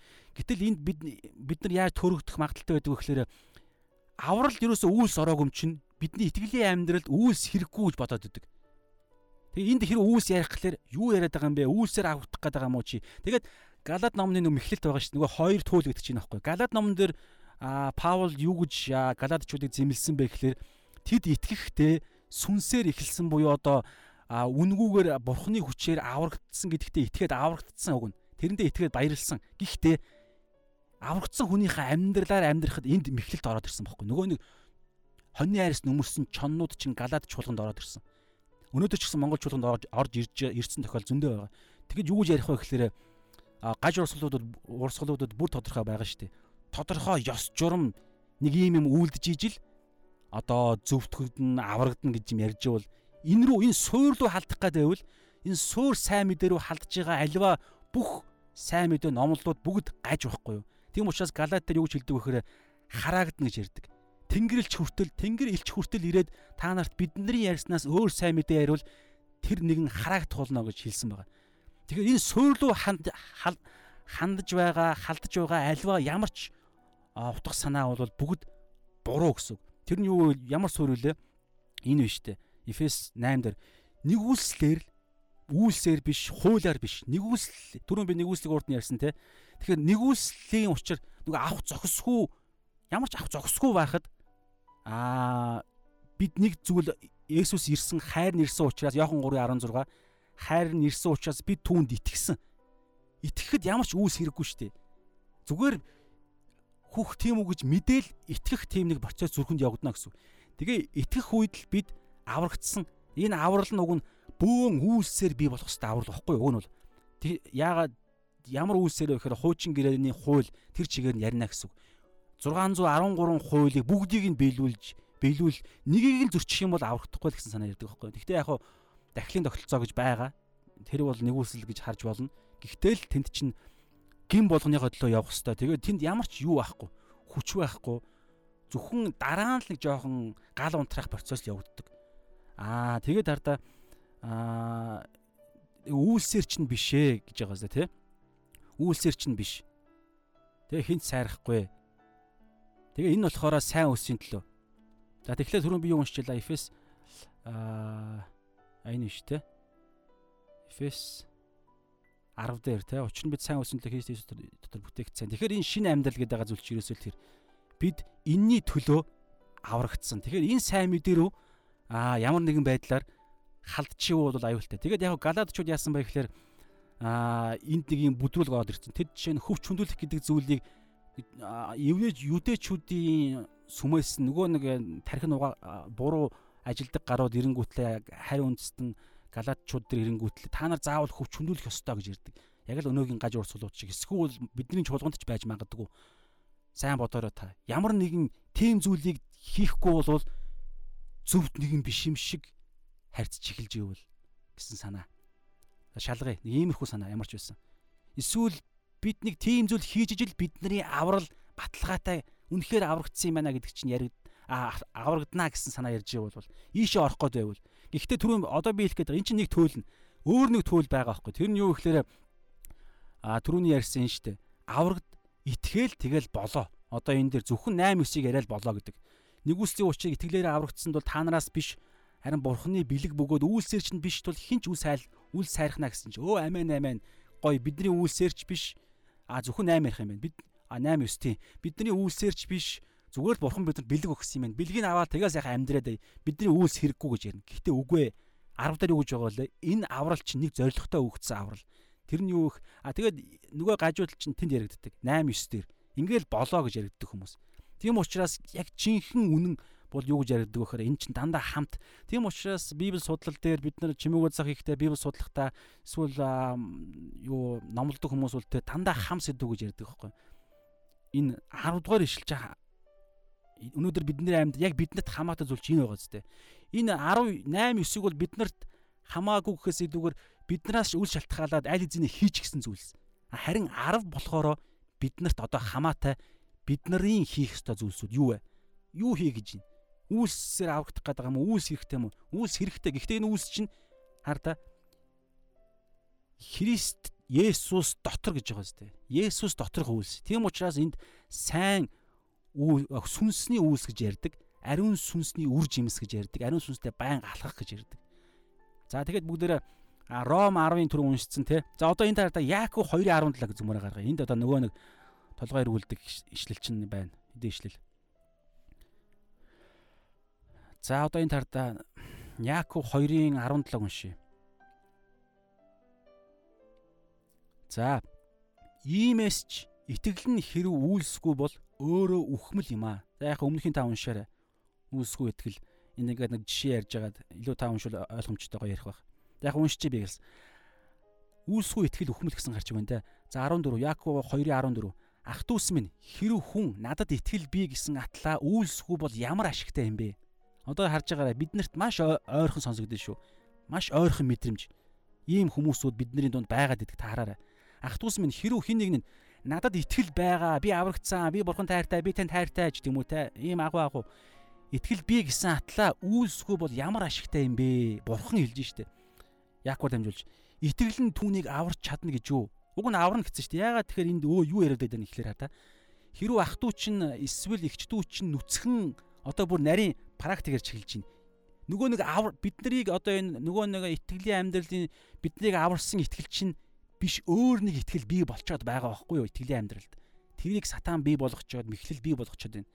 Тийм учраас нөгөө дутуу нэгүсэл гэдэг чинь ингэж ярьдаг. Дутуу нэгүсэл хүчгүй өөрчлөл байхгүй нэгүсэл аа баг аврал гэж хэлж болох юм уу те. Тэгэхээр арда хэрв ах トゥ чинь эсвэл эгч トゥ чинь нүцгэн өдөр тут нүцгэн байхад эсвэл өдөр тутмын хоолоор нь дутагдж байхад нь та нарын нэгэн тэдэнд нөгөө нэг надад итгэл бий гэдэг хүн чинь өөрөө амар тайван яваарэ. Хайртай дүү минь. Нүцгэн байгаа хүнд хэлж штэ. Тэгэнгүүтлээ дулаацах болтугай. Миний хөөрхөн нүцгэн дүү минь. Яг хөлтөгч чинь үү те дулаацах болтугай. Тэгээ өлсөд яг өөх гээд бүр ингээд нүд нь гаргалцсан явж исэн чинь Есүсийн хайраар хайртай шүү. Тэ Есүсийн нэрээр хоол ундыг өрөөж байна Есүсийн нэрээр. Бялхах болтугай, асгарах болтугай, цадах болтугай. Амен гэл. Ингээ явуулчих. жоох. Яа. Ийм л юм яриад штэ ерөөхдөө. Гэхдээ яг ингэж илэрхгүй ч гэсэн иймэрхүү байдлаар илэрнэ шүү. Цадах болтугай гэж хилчгээд биед нь хэрэгцээтэй байгаа зүйлсийг тэдэнд өгөхгүй бол тэр итгэл чинь ямар ашигтай юм бэ? Та нарыг ч аврахгүй итгэл гэж хэлж гин гэсэн үг. Наад итгэл чинь ямар ч хэрэггүй итгэлээ. Наад чинь бүр баг хорон муу юм болж байгаа сте. Баг хараал шиг юм болно шүү дээ. Сургаалт өгсдөр ч гэсэн бас байгаа нэг юм санаа би ишлэн мартчих хардаа. Өглөө үүрээр заяа. Өглөө үүрээр унтж байхад нь ирээд найзтай найз дээрээ ирээд найзыгаа ерөөгч нэг нь түүнийг хараасантай адилхан гэж байгаа байхгүй? Нэг юм ишлэл сургаалт өгсдөр байдаг. Энэ яг агаар нэг санагдсан юу вэ гэхээр тухайн хүн хардаа унтж байхад нь шүү дээ, тэ. Би бол ингэж ойлгосон юм. Унтж байхад ямар ч тийм одоо юу гэдгийг тухайн хүний хэрэгцээ нь нойр байхад нойр хэрэгцээнээс нь сэрэнгүүтлээ шаал өөр өдөр тухайн өнөө ерөөнөө харааноо юу ч ойлгохгүй шүү дээ. Гол нь сэрэж байгаа нь өөрөө тухайн хүнд гай болж байгаа байхгүй. Гэтэл сэрэнгүүтлээ нэг юм өгөх гээд байгаа юм шиг санаа.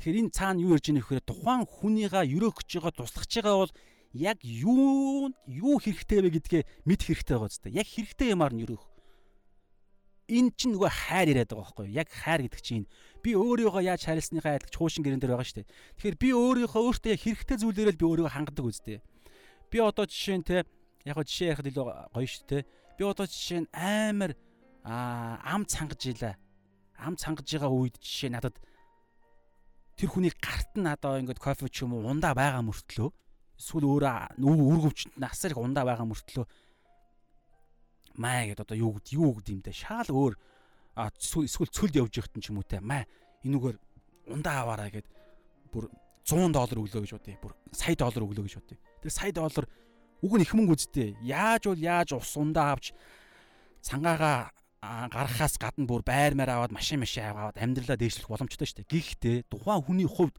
амь нас нь яригдж байгаа гол хэрэгцээ нь юу вэ? Яг хайртай болвол тэр улаан цайм харсаар ангаж өгч байгаа нэгэнд хайртай юм бол 100 сая доллар өгөхгүй ундаанасаа өгнө үсттэй уснасаа өгнө шүү дээ. Тэрнтэй адилхан юм ярьж байгаа байхгүй. Тийм учраас итгэл гэдэг зүйл чинь өөрөө аа ингэж ингэж нөгөө цаашаага үр жимсэн таригддаг. Ингэж цаашаага амьд амьтайгаар цаашаа ажилдаг итгэл байхгүй юу? Жинхэнэ авралын итгэл чинь.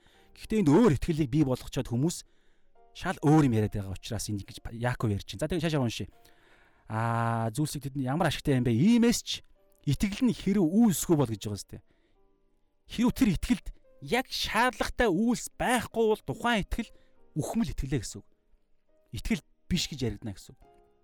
Үхмэл итгэл зүгээр л би итгэж ийн гэж та мэдэж байна. Та нэг толгоогоор нэг теологийн юм судалчаад олж мэдээд хэдийн ишлэл бий болгоод тэрийг тэр нь ишлэлийнх нь биднэрт хамаатай хэсэг дээр та өөрийгөө тавьчаад тэгээ би аврагцсан гэдэг ингээд хараа явж гинэ гэсэн. Энэ юм юус ярьдаггүй Итгэлийн амьдрал бол итгэлийн амьдрал гэж ярьж байгаа нь ерөөсөө тэр байхгүй шашин биш амьдрал гэж.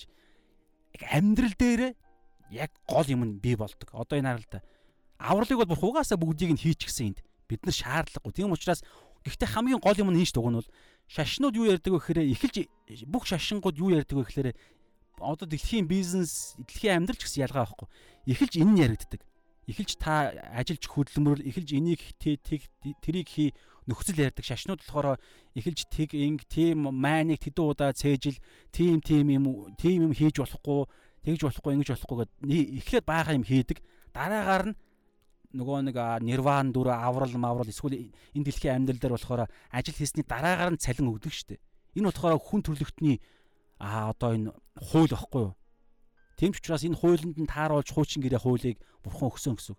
Харин шин гэрээний хууль, ариун сүнсний хууль, зөвхт а эрх чөлөөний хууль гэж ярьдаг хууль чинь юу вэ гэхлээрэ эсэргээр болгоцдог. Эхэлж биднэрт ямар ч үнгүүгээр хамгийн төгсөөр биднэрт хамгийн бэст тимийг өгцөн. Тэгвэл энэ дотор нь нэг хүч байдаг байхгүй юу? Тэр нь ариун сүнс өөрөө. Тэгээд тийм учраас сүнсний хууль гэж ярьдаг. Тийм учраас сүнсний үйлс гэж ярьдаг. Бид махбодийн үйлс нь юу яриаггүй. Сүнсний үйлс. Энэ гэхдээ бидний сүнсэлтэй Гэхдээ бидний сүнс мөртлөө бидний сүнс чинь ариун сүнстэйгээ хамтарч ажилдаг сүнс болцсон баггүй юу? Дангаараа а ерөөсөө харалда эхлээд бурхан хүнийг бүтээгээд шороогоор бүтээгээд амиа амьсгалыг нь хамраар нь үлээж оруулж байгаа тэр үлээлт чинь өөрөө ариун сүнс байсан. Тэгээд дотроо оронгуутлаа бидний одоо энэ түрүүний хэлэх гээд байгаа энэ хуу инх тайвны батад оржоод улмаагийн хув сүнсийг ариун сүнс бий болгож бүтээсэн тогтолцоо. Тэгээ энэ тогтолцоо тэгээ өснө нэмэгдэж өнөр өтгөн бол гэдэг энэ тогтолцоог системийг бий болгосон гэсэн санаа. Тэгэхээр ийм итгэлийг ярьж байна гэсэн үг. За тэгээ бүгдээр тэгээ Яаков ингэж ин тэгэнгүүтлээ 17 дараа ингэсэн те. Иймээс ч итгэл нь хэрэг үйлсгүй бол өхмөл юм аа. За ингээд хараа ийм үйлсгүй итгэл гэдэг юм яригдж эхлэх юм бол тэнд нөгөө нэг нь авралын итгэл биш шаал өөр итгэл яриад эхэллээ л гэж ойлгох хэрэгтэй. Итгэл хизээч дангаараа үйлсгүйгээр ажиллана гэдэг боломжгүй байхгүй? Итгэл гэдэг зүйл чинь жинхэнэ авралын итгэл бол угаасаа үйлсний үйлсийн төлөө бүтээгдсэн итгэл багхгүй юу? Зорилго нь. Угаасаа харал да. Хэрвээ авар авралт хүрхэл зорилготой байсан бол бид юу ч хийх шаардлагагүй шүү дээ. Аврал хүртэл үнгүүгээр ямар ч бидний оролцоогүйгээр Эфес дээр те аврал биднэрт ороод ирсэн шүү дээ. Тэгээд тийм учраас та нар үл үл сайрах болноо те сайрахгүй гэж хэлсэн. Гэхдээ итгэл чинь энэ 10 дээр нь байгаа. Сайн үйлсийн төлөө бидний энэ аврал итгэл чинь бий болсон юм ариун сүнс ч өгөгдсөн юм. За тэгэхээр бүгдээр Яаковынхаа 21-ийг уншия. А 2-ын 21-ээс 24 дээр бас нэг зөвүүн санаа байгаа. За одоо ингээ хар та. Бидний эцэг Авраам бидний эцэг Авраам дахлын ширээн дээр хүү Исака өргөхдөө үйлсээрээ зөвтгөгдсөн бусуу. Итгэл нь түүний үйлстэй хамт ажиллаж байсныг гэж байгаа зү. Итгэл нь түүний үйлстэй хамт ажиллаж байсныг эн чинь бидний авралын итгэлийн мөн чанар яриад байна. Үйлсээрээ аврагдах юм яриаггүй. Итгэлээр аврагдсан л да. Гэхдээ итгэл чи өөрөө үйлсээрээ ажилдаг, үйлстэй хамт ажилдаг итгэл багхгүй юу? Хэрвээ үйлс нь харагдахгүй байгаа гэвэл аврал байхгүй байна гэсэн үг. Авралын итгэл тэр хүнд бий болоогүй нөгөө нэг түрүүн яриадсэн шал худлаа итгэлээ гэсэн үг. Нөгөө өөрийгөө мэхлэгчэд. Гэхдээ тэр хүн өөрөө итгээд байгаа шүү дээ. Уг нь бол би аврагдцсан гэд. Гэхдээ үйлсийн төлөө аврагдсан гэдгээ ойлгохгүй үүнийг бодохгүй байвал энэ амьдралаас нь гарч ирэхгүй бол ариун сүнс үнэхээр байгаа мó гэсэн санаа байхгүй гэсэн үг шүү дээ. Гэхдээ удаашрал яригддаг. Процесс яригдана. Гэхдээ л илэрдэг, анзаарагдан та яг аврагдсан хүнийг бол анзаарагдан угаасаа дахин төрсөн бол угаасаа өөрчлөлт нь явагдаад эхэлсэн байдаг. Ядаж л гим нүгэл адилхан хийсэн мөртлөө дараа нь гимшиж байгааг нь мэдэгддэг. Ян зүр юм яригдана. За тэгэнгүүтлээ 21 21-ээс Тэгээ бидний эцэг Авраам Авраам дахлын ширээн дээр хүү Исака өргөхдөө үйлсээрээ зөвтгөгдсөн босуу итгэл нь түүний үйлстэй хамт ажиллаж байсныг итгэл нь үйлсээр гүйцэд болсныг харж байна гэж байгааз. Итгэл нь үйлсээр гүйцэд болсныг. Хэрвээ дис дараа ярих гад байвал ингэж л яригдана л гэсэн үг. Бидний итгэл үйлс үйлсээр бидний итгэл болохоор анх авралыг бий болгоцсон. Гэхдээ биднээс юу шалтгаалах вэ гэхээр итгэлээрээ үргэлжлүүлэн ариун сүнс дотор алхах буюу нөгөө Есүстэй харилцах харилцаа ариун сүнсний үр жимсийг эрэл хайгуул хийж ариун сүнсээр өдөрдүүлэн амьдрах энэ дунд чинь бидний итгэл төгс болно гэсэн үг. Төгс төгсөрнө гэсэн үг. Улам илүү ингэж хэлбэр дүрсээ ол жинхэнэ инх тайвны итгэл болно. Жинхэнэ аврагдсан инх тайвны яг одоо инх тайван батад оржод улмаа цэцгээ таны дуудлагыг яригдана гэсэн үг байхгүй. Та өнөөдөр ингээл аврагдаал ингээл а Есүс чинь өөр Есүс Есүсийн сүнсээр аврагдаад бид ингээд хувь хүмүүс ингээд бий болж байгаа шүү дээ. Гэхдээ бид нар хувь хүн нэг бүр чинь ондоо ондоогоор бүтээгдсэн хувь хүн нэг бүрт өөр өөр а дуудлага хаанчлалын дуудлага байгаа. Хувь хүнийх нь ялгаанууд байгаа шүү дээ. Тус ялгаатай алдрууд гэж ярьж байгаа шүү дээ. Ялгаатай өнгөөр бид бурхныг алдаршуулна. Ян зүрийн байдлаар. Тийм учраас бид хизээч нэг нэгнтэйгээ бие биенийгээ харьцуулж юусоо болохгүй гэдэг юм чинь байхгүй. Харьцуулаад эхлэхээр л бид тэр хүний ялгарх өнгийг нь бид аа өөрийнхөө өнгөөрөө ингэж балиартуулж гинэ гэсэн үг. Тэгээ холимог юм бий болгож гинэ гэсэн үг. Эсвэл тухайн хүний өнгийг нь дарж гинэ гэсэн үг байхгүй. Тий тэгэхээр ингэж гүйцэд болно, төгс болно гэсэн санаа. Тэгээ 28 дээр 23 дээр Авраам араа бурхан бурханд Авраам итгэсэн үүгээр нь түүнийг зөв тооцсон юм гэж өгүүлдэг бичвэр бэлэгдсэн бөгөөд бурхны анд нөхөргөж Авраам дуудагдах болвоо. Хүн зөвхөн итгэлээр бос үйлсээр зөвтгөгддгийг та нар харж байна гэж байгаа сте. Хүн хардаа зөвтгөгдөхдөө тэр зөвтгөгдөж байгаа итгэл дотор нь хамтд нь үйлс нь явж байгаа байхгүй. Тэр итгэлд нь өөрт нь тийм мөн чанар байдаг. Тэрнээс биш итгэчээд Тэгээд дараагаар нь бид нар нэг юм үйлс хийж ижил тухайн авралаа жинкнээс нь за одоо л яг ингээд гүйцэд боллоо гэсэн санаа биш. Тэр итгэлд нь өөрт нь угаасаа а аврагдсан амьдралаараа амьдарч эхлэхэд л үйлс гардаг тийм нөгөө нэг мөн чанартай. Ариун сүнс бидний дотор орж ирсэн бол угаасаа үр жимс гарах нь гарцаагүй. Гэхдээ биднээс хийх ёстой зүйл нь ариун сүнс дотроо л явах. Сүнсэндээ ядуу явах гэдэг.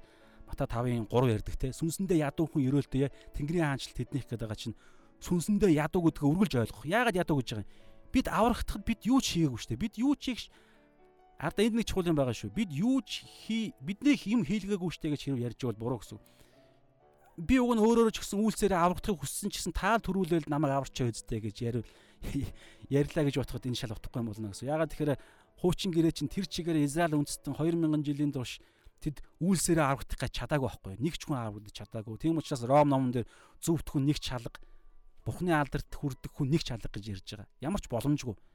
Тэгэхээр тийм боломжгүй үед эргээд ямар ч боломжгүй учраас шууд бэлгэлж байгаа тэр.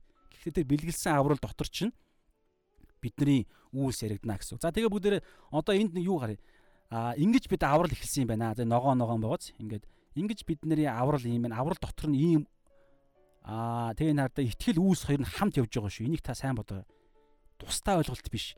Биднэрт авралт хүргэж байгаа бидний ихтгэл угаасаа дотор нь үүс буюу тэр үр жимс нь тэгдэж яваа.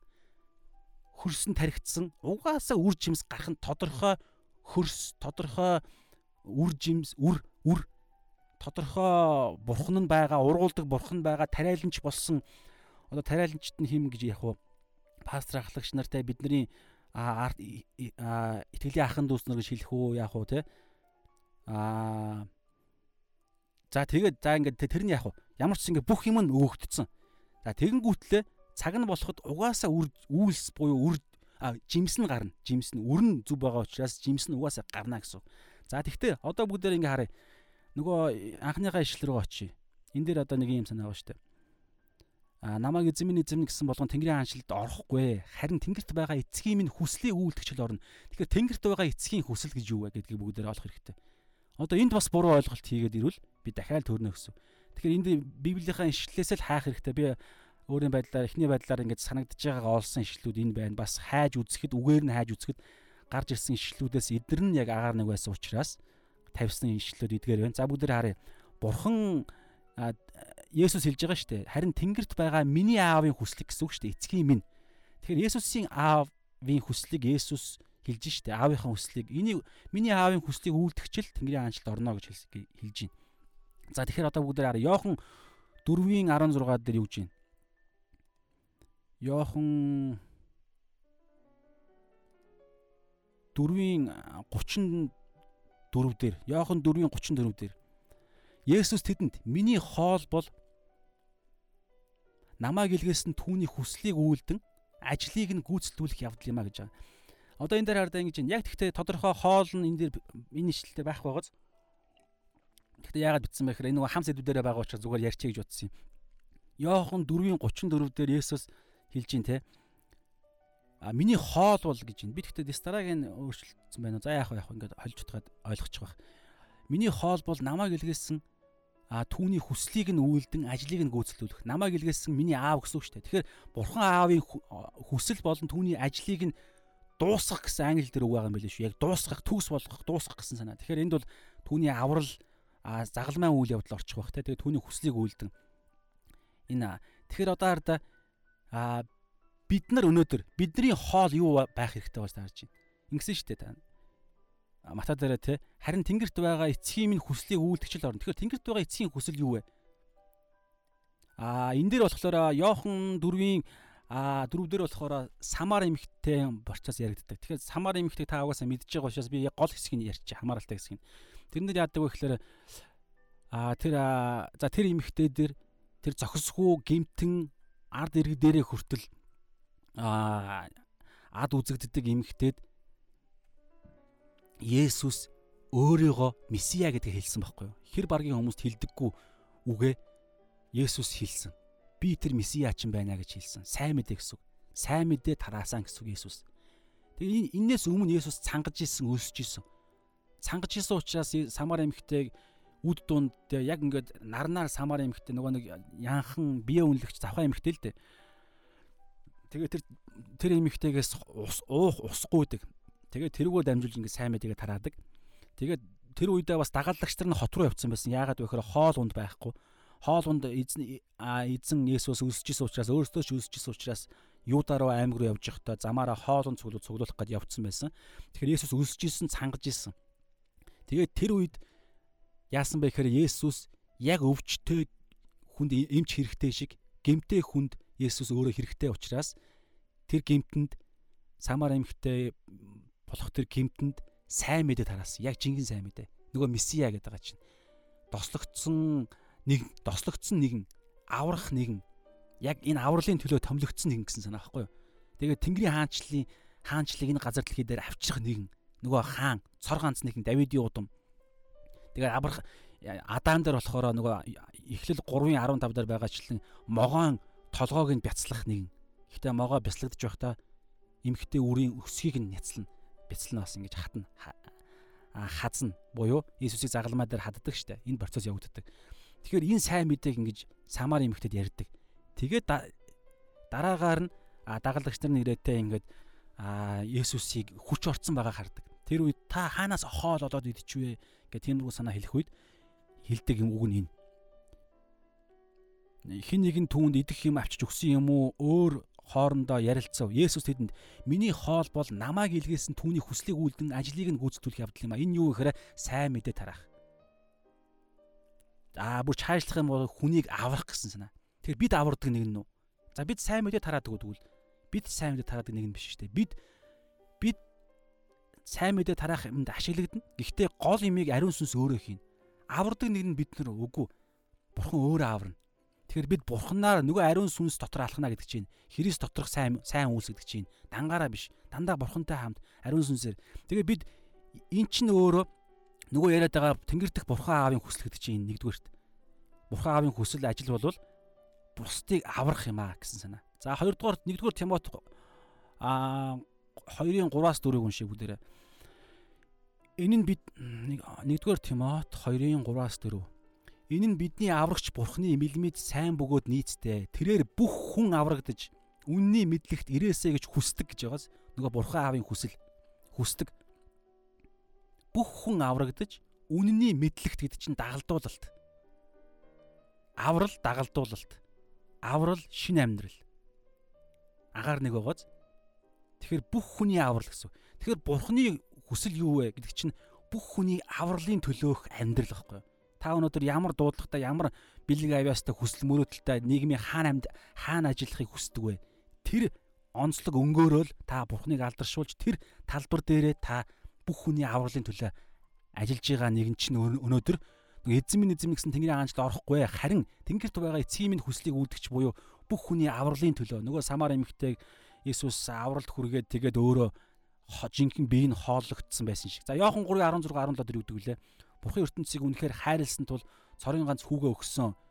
Тэгээ хүүд нь итгэж хинч мөхгүй харин мөнх хамтаа болно. Тэгээ тэгээд бурхан түүгээр дамжуулан ертөнцийг яллахын тулд биш харин түүгээр дамжуулан ертөнцийг аврахын тулд хүүгээ илгээсэн, Есүсийг илгээсэн. Бурхан аав нь.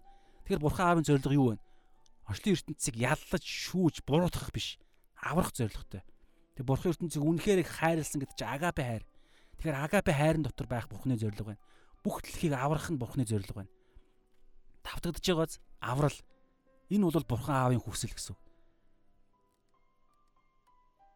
Зан юу гэдгийг шашны зан бол яриаг байгаа зү. Бүтэнсээ өдөр болгон би ингэснээр би а бүтэнсээ өдөр болгон очих осгүй гэж яриаггүй шүү.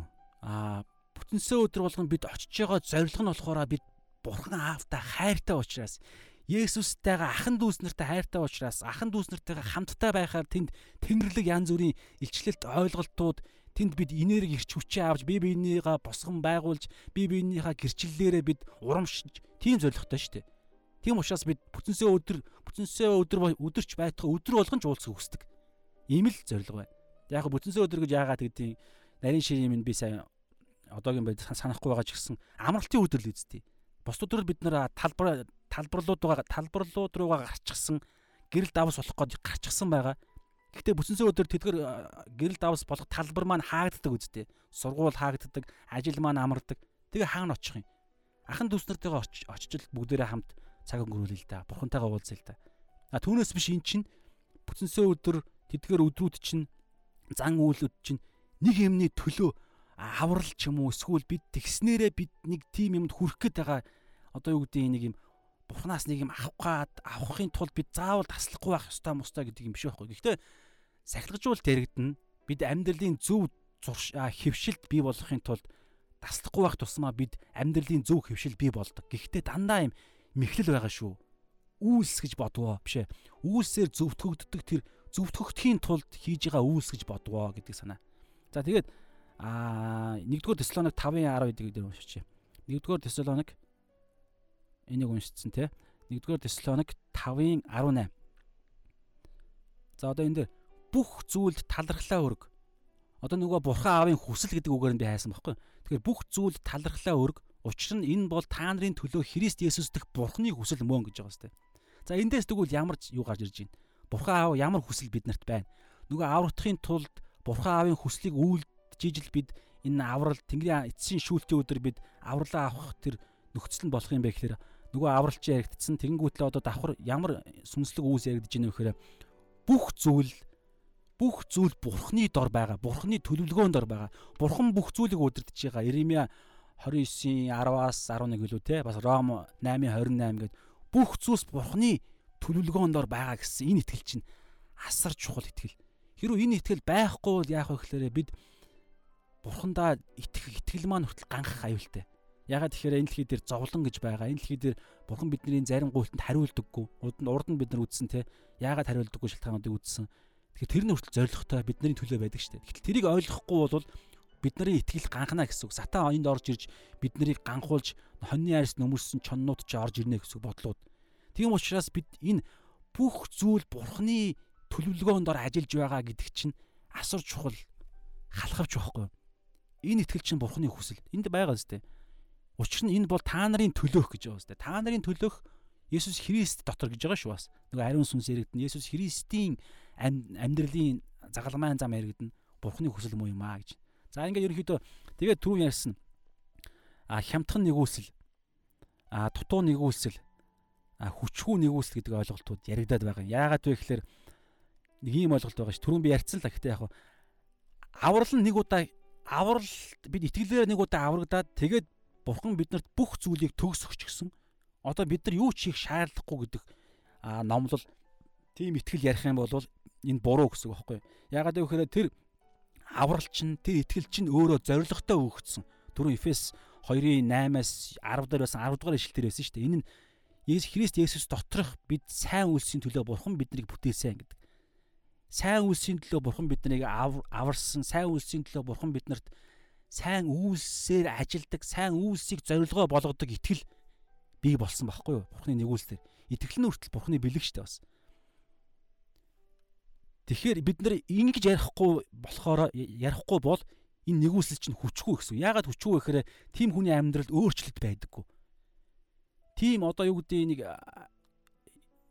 одоо үйлс сайн үйлс хийх нь эсвэл итгэлийн амьдралаар бид бурхнаа алдаршуулахын тулд ингэж юм ямар нэгэн үйлс хийх нь шаардлагагүй үйлсээр аврагдахгүй гэж ярьдаг хүмүүс хүмүүс хүмүүс болвол нөгөө дутуу хямдхан нэгүүлсэл ярьж байгаа гэсэн үг. Яагаад вэ гэхээр энэ нэгүүлсэл гэдэг энэ ойлголт чинь асар том хүч байхгүй юу? Хуулийн хуулийн буюу те хуулийн хийж чадаагүй одоо хүн хүний хүч гэсэн үг л дээ. Хүн өөрийн хүчээр хийж чаддаггүй зүйлсийг нэгүсэл биднэрт өгдөг. Тэр нь юу гэхээр ариун сүнс шүү дээ.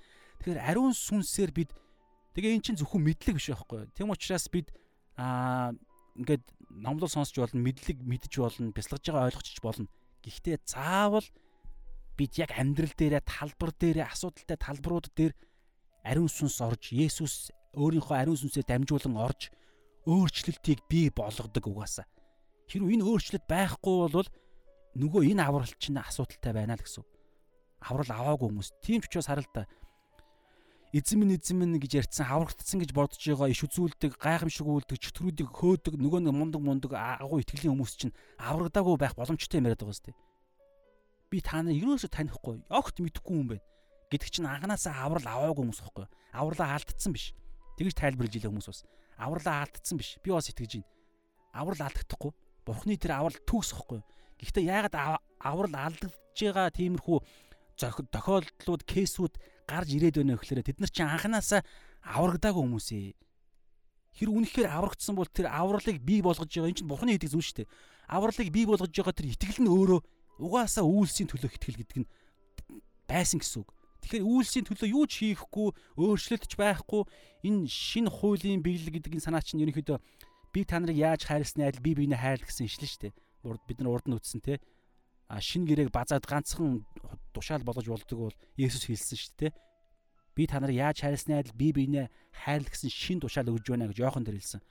Тэгэхээр энийг хийж чадахгүй тэгээ давуу зүвт байдал гэх те а уулан дээрх сургаал бид нар ингээ үзэн явж байгаа өмнө бид нар үзсэн те Матай 7 дугаар 5 дугаар бүлэг дээр те байгаа та нарын үйлс нөгөө нэг нь аврагдсан итгэл үнгүүгээр аврагдсан шин амьдралыг бий болгосон гэж яриад байгаа ариун сүнсийг дотроо тээсэн гэж байгаа хүмүүсүүдийн чинь зорилго нь та нарын үйлс зөвхт байдал фарисеучуд болон хуулийн багш нарын зөвхт байдлаас давуу гарах дуудлагатай чадвартай боломжтой бүрэн чадвартай, боломжтой, тийм зоригтой бүтээгдсэн шинэ амьдрал юм а гэж ярьж байгаа. Тийм учраас давуу зөвхт байдал байхгүй. Тэгээд хуулийг бид нар бүр хэтрүүлж биелүүлдэг гэж бодлоо. Биелүүлэх чадвартай. Тэгээд тэрнийх нь мэдлэг нь ч хөөгдсөн.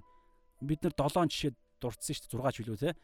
Завхаарл жишээ нь яг нийгэм болон хууль а бас нийгмийн хувьд яг юуг завхаарл бас хүн алахыг яг юуг хүн алах вэ гэхээр яг үйлдэгдсэн биеэр үйлдэгдсэн биеэр үйлдэгдсэнийх нь дараа нь л энэ хүн завхаарчлаа, эхнэрээ араар нь тавьчлаа. Эсвэл энэ хүн яг хүн алчлаа гэж ярьдаг. Нөгөө хүн үхсэн тохиолдолд. Харин шин одоо давуу зүвт байдал, шин давуу зүвт байдал чинь юу ярьж байгаа нөхөр хуулийг давуулан биелүүлдэг буюу хүн алахын яг үр нь хүний зүрхэнд уур хилэнгээр хилдэг гэж Есүс заасан шүү дээ. Тийм учраас бид ариун сүнстэй учраас бид сүнсний төвшөнд өдөр тутам бид нөгөө нэг ариун сүнс дотроо амьдрах буюу нөгөө ариун сүнс нөгөө энэ яриад байгаа Есүстэй харилцах харилцаа зөвхөн ганцхан удаа хийгдсэн аврал биш. Эн чинь байнгын төлөв байдалд. Тэгээ эн чи яаж юм гэхээр аа яг миний ингээл амьдрал дээр яг тэ амьдрал дээр ингээ биений хүнд ууралж хилэгнэх үедээ ариун сүнс маань тусдаа нэг юм бурхан тусдаа хүч хүн учраас бие даасан бурхан учраас надад миний ямар байхаа зүйл хамаараад сануулдаг байхгүй юу? Яг сүнсээр дахин төрсөн хүн бол хүүе гэл нөгөө ишлэл санагдсан эсвэл те уурлагч нэг нь ах トゥ уга тэ алсантай адилтай галтай тамд ороход хангалттай буруутгагдана ч гэдэг юм уу. Тэгээд энийг ойлгож судлах үед бий болсон тэр ариун сүнсний ухаарлууд санагдана. Хуулийн тэ үндсэн уур хилэнгийн өрн биш ээ хүн алахын өрн нь бол уур хилэн юм а гэдэг юм санагдана шүү дээ. Тэр үед бид а өөрсдийгөө сүнс ариун сүнсний хүчээр бид хян чадна гэсэн. Гэх мэтчлээ ингээд тэгээ эрх чөлөө байхгүй. Энийг нэгүслээ буруу ойлгосон а сайн үйлсийн төлөө төлөөх итгэл итгэлээр л аврагдсан гэдгийг ойлгохгүй хүмүүс бол энд юу яригдах вэ гэхээр эрх чөлөө эрх чөлөө гэж байхгүй. Яагаад гэж тэр хүн зөвхөн аврал авар аврагдаад л нэг удаа аврагдаад тэгээ болцсон гэж ойлгохоор аврагдсныхын дараах он жилүүд өдөр хоногудад юу болж байгаа вэ? Сүнслэг тулаан шүү дээ. Тэгэхээр тэр сүнслэг тулаанд болж байгаа процессын дунд энэ хүн яаж ажиллах вэ? Магадгүй тийм учраас Ром номдор ч гэсэн байдаг шүү дээ. Та нар нэгүслээ мах бодийн таатай та таатай боломж болгон бүү ашигла гэж ярьдаг шүү дээ. Тэгэхээр тийм хүмүүс бол тэгж ашиглана гэсэн үг шүү дээ. Энэ бол сайн үйлсийн төлөөх итгэл нэгүсэл байтал муу үйлсийн төлөө ашиглаж эхэлнэ гэсэн үг. Ингээд ирэхээр муу үйлс чинь өөрөө эргээд бид нарыг боомлдог, боолчилдог, эргээд ёс бусын бид нар боолчд оруулдаг дээ. Тэгэхээр ийм юм яригдаж байна гэсэн үг. За тэгээд хамгийн сүүлд нь 1-р Коринт 6-гийн 9-өөс 11-ийг бүгдээр уншъя.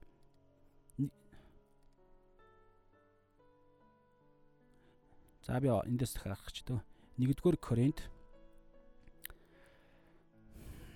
1-р Коринт гаргаснаас аа за 6-гийн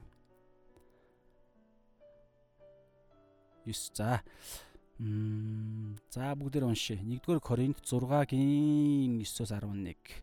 Зөвхт босчууд ер нь Бурхны хаанчлалыг өвлөхгүйг та нар мэддгүү хэрэгүү. Бүү мэхлэгдэх туун гэж байна. Хардаа зөвхт босчууд гимт хүмүүс гэсэн. Бурхны хаанчлалыг өвлөхгүй. За энэ ингээ ойлгох. Мэддгүү мүү бүү мэхлэгдээрэ гэж байна. Садарлагч. За одоо ингээ та бодоорой. Садарлагчд Гэхдээ энд чинь наадаа энэ яг одоо унших энэ ишлэлийг хоёр байдлаар ойлгох магадaltaй байхгүй. Тэгэхээр тэрийг та сайн бодоорой. За садарлагчд ч, шүтэн шүтгчд ч, завхаарагчд ч, янхан ирч, ижил хүүстэнтэйгээ нөхцөгчд ч, хулгаач нарч, шуналтнууд ч, архичд ч, хараалчд ч, дээрэмчд ч Бурхны хаанчлалыг өвлөхгүй буюу Тэнгэрийн хаанчлалд орохгүй аврагдахгүй гэсэн үг. За ингээд бид нар энэ хин нэг нь бид нар байгааз За гэхдээ болгоомжтой байгаарай. Одоо бүгд 11 уншина гэсэн. Та нарын зарим нь тийм байсан. За одоо эндээс эхлээд. Би гэсэн. Би энд энэ дунд бол бисээ байсан. Тэгэхээр би тийм байсан гэж хэлж байна. Өнгөрсөн цаг дээр. Энэ хэн хэлж байгаа юм? Бурхан хэлж байгаа. Хизээ хэлж байгаа юм? Энэ үед багхгүй юу? Энэ үед. Аврагдах үед. Ариун итгэлээр нэгүсэлд итгэх үед. Нөгөө авах авах ёстой байсан а Бухны хаанчл өвлөхгүй байдлыг өвлөхгүй байх ёстой шүү дээ би энэ гэмтэн учраас Бухны хаанчл өвлөхгүй буюу мөнхийн тамд орж яллагдах тамлагдах зохистой нэгэн энэ гэмтэн учраас яагаад гэвэл хэлж штэ зүвд бусчууд Бухны хаанчлыг өвлөхгүй гэж гэтэл тийм байтал Бурхан нэгүсэл буюу тэр авах ёсгүй юмыг өгсөн тэр нь зүвд байдал аврал тэгэд энийг та нар тийм байсан Гэвч эзэн Есүс Христийн нэрээр Есүс Христийн хийсэн сайн мэдээ, загалмайн сайн мэдээ, амьлалтын хүч чадал тэр гайхалтай Есүс Христийн төгс хийсэн зүйлээр болон Бурхны сүнс дотор гэж байгаа сте. Ариун сүнс. Яагаад энэ хоёр зэрэгцэж орж ирж байна? Есүс Христийн хийсэн зүйлсэд итгэх үед Есүс Христ дээшээ өргөгдөөд 50 хоногийн дараа ариун сүнс бууж ирсэн. Тэгээ ариун сүнс энэ дэлхий дээр бууж ирээд итгэх хүн итгэсэн хүн болгоны дотор болгоны дотор орж ирдэг болсон. Тийм учраас шин ариун сүнсний хүчээр бид амьдрах боломжтой болсон гэсэн. Тэгээ гэвч эзэн Есүс Христийн нэрээр болон Бурхны маань сүнс дотор та нар угаагдсан гэж байгаа зү. Бид нар бид нар угаасан юм биш шүү. Би угаагаагүй. Би угнахаар балиар хэртэй завхаа алуурчин янхан ир ижил хүүстэндээ нөхцөг нөхцдөг би хулгайч, би шуналтай аригчин, хараалчин, дээрэмчин аа өөр те ингээд садарлагч, шүтэн шүтгч байхгүй би чинь. Бид нар бүгдээрээ биш гэж бол өөр юм бодно гэсэн. За. Тим хүмүүс. Тэг бид нар бол үнэхээр ямар ч зогсгүй. Гэтэл аврагдах үед юу болсон гэж энэ зүйл бий болсон. Есүс Христ нэрээр сүнс дотор биднийг бид нарыг угаасан энэ итгэхгүй хэв байгааз бид нар угаагдсан. Угаасан нэг нь Есүс Христийн нэрээр болон Бурхны маань сүнс дотор Бурхан биднийг угаасан. Есүс Христийн нэрээр Бурхан өөрийнхөө сүнс дотор Бурхан Аав бид нарыг угаасан. Бурхан Аав бид нарыг ариусгасан. Бурхан Аав бид нарыг зөвхт гэж тоод. Одоо энэ зөвхт гэдэг энэ үгчин болохоор хууль зүйн хэллэг багхгүй юу? Justified зөвтгөгдсөн хууль ирээд цагдаа нар ирээд шүүгч нар ирээд бидний гмийн баримтыг гаргаж ирээд энэ хүн ингэж ингэж юм хийсэн гэд сүнслэг шүүгч нар сүнслэг яллагч нар буюу сатан ирээд бурхны өдөөс бариад энэ батад оржоо инх тайван ийм юм хийсэн өчигдөр ийм хийсэн гэд ингэх үед өөдөөс нь Есүс дуурна гэсэн. Есүс биднийг өмгөөлөгч болсон. Тийм ээ. Би наа хүн чинь тэгсэн. Бит хоёр нэг болсон учраас наа хүн чинь би байна. Би наатгаж үйлцсэн гэсэн. Гэсэн байдлаар Есүс өөрөө бидний өмнөөс үхсэн бохгүй. Тэгэхгүй яллагч сатан шүүгч юу ярих вэ гэхээр оо за за за ингээд ялаа өөрчлээ. За заашгүй би миний зориг бүтчихлээ. Би алчлаа. Инх тайвныг батад орж дулмаг би шийтгэлийн үргэлжлээ буюу алчлаа. Тэр нь яаж вэ гэхээр Есүсийг алсан бохгүй загалмай дээр. Тэгээ бид хоёр нэг болсон. Есүсийн Есүсийн сүнс миний миний дотор байгаа учраас нэг үхэл бохгүй. Нэг ял болсон гэсэн үг. Гэхдээ энэ дотроо үргэлжлүүлэн алхнаа, үргэлжлүүлэн Есүсийн Есүсийн сүнс дотор бид оюун санаагаа шинчилж Есүстэй адилхан болох тэр амьдралын зорилго руугаа явсаар л байх болно. Тэгэх тусам бид улам мэлүүгээр хүчтэй болно, нөгөө ярьсан гайхалтай зүйлс бий болно гэсэн. Тэгэхээр энэ дээр хар та өнгөрсөн цагдаа гэдэг бид нар хамгийн сүүлийн хэлэх зүйл өнгөрсөн цагдаа шүү. Одоо бид нар ямар байхаас үл хамааран өнгөрсөн цагдаар бурхан бид нарыг угаасан.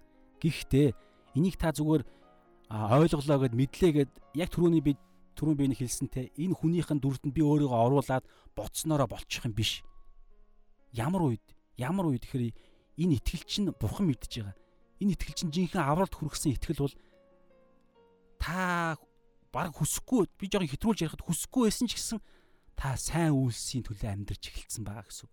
Таны шинэ амьдрал чи эхэлсэн, өөрчлөлт чи эхэлсэн энэ арда өөрчлөлт чи эхэлсэн шинэ хууль буюу бус Есүс намайг яаж хайрлсан шиг бусдыг хайрлах тэр юм руу ороод эхэлсэн. Давуу зүвт байдал буюу бид бүр оюун бодол дотроо гим нүглүүд олж хараад эхэлсэн, гимшээд эхэлсэн. Аа тэгээ эрх чөлөө тэр бузар муугийн нөлөө биднээс салсаар байгаа.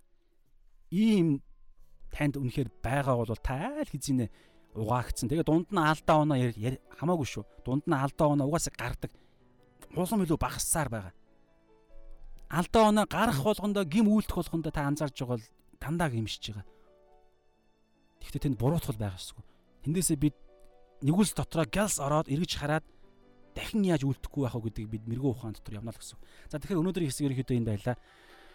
Тэгэхээр бүгдээрээ хамтдаа За тэгээд төгсгөлд энэ хоёр ишлэлийг ярьчих. Чухал ишлэл байсан. Уг нь эхэндээ ярих юутсан. А Матай 25:11-ийг уншия да.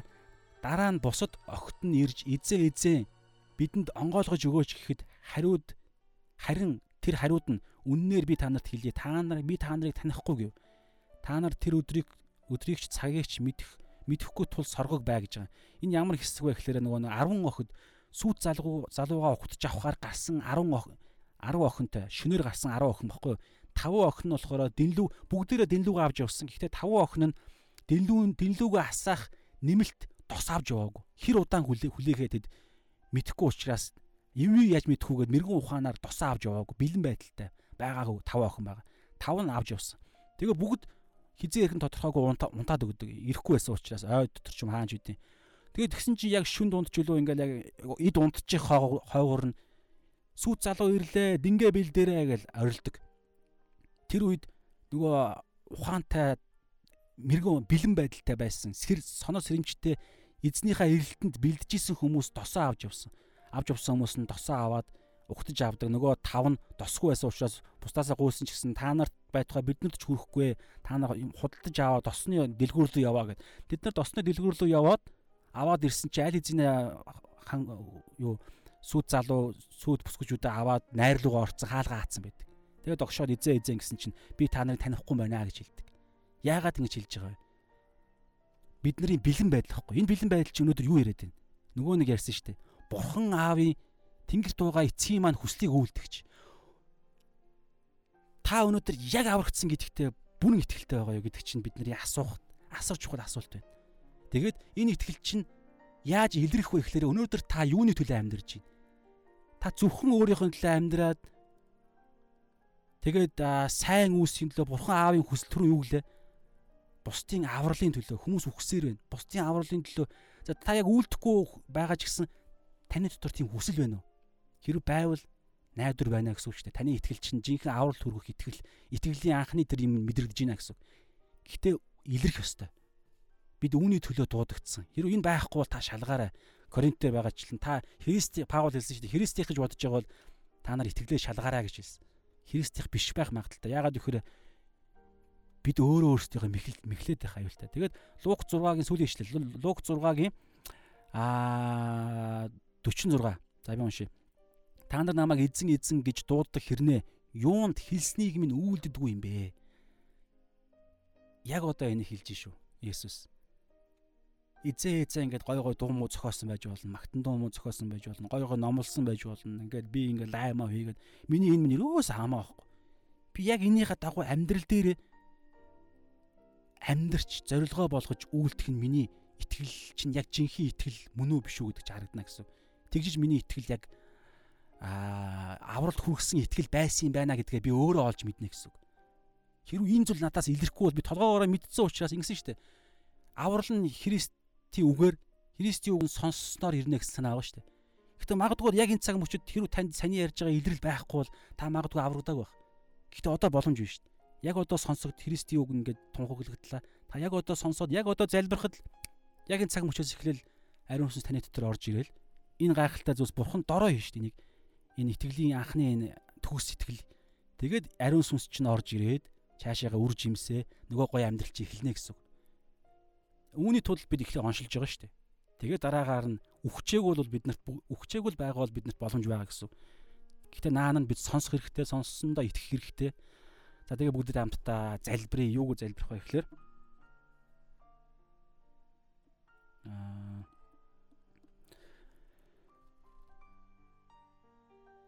бүгдээ ерөнхийдөө зүгээр шууд базаал залбирая. Сайн ярьсан зүйлсүүдийг заадах би нэг юм гаргадаг. За би залбирлаа.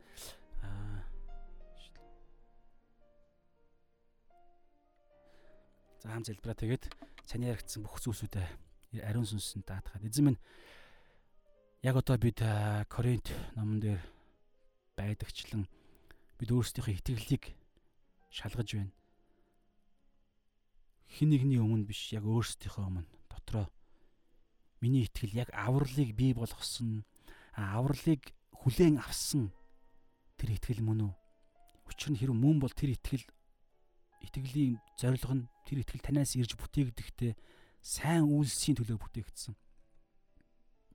Бурхны тэнгэрт байгаа бурхан аавын хүслийг гүйцэлдүүлэх тийм л ганцхан зорилготой амьдарч байгаа оршин тогтнож байгаа итгэл.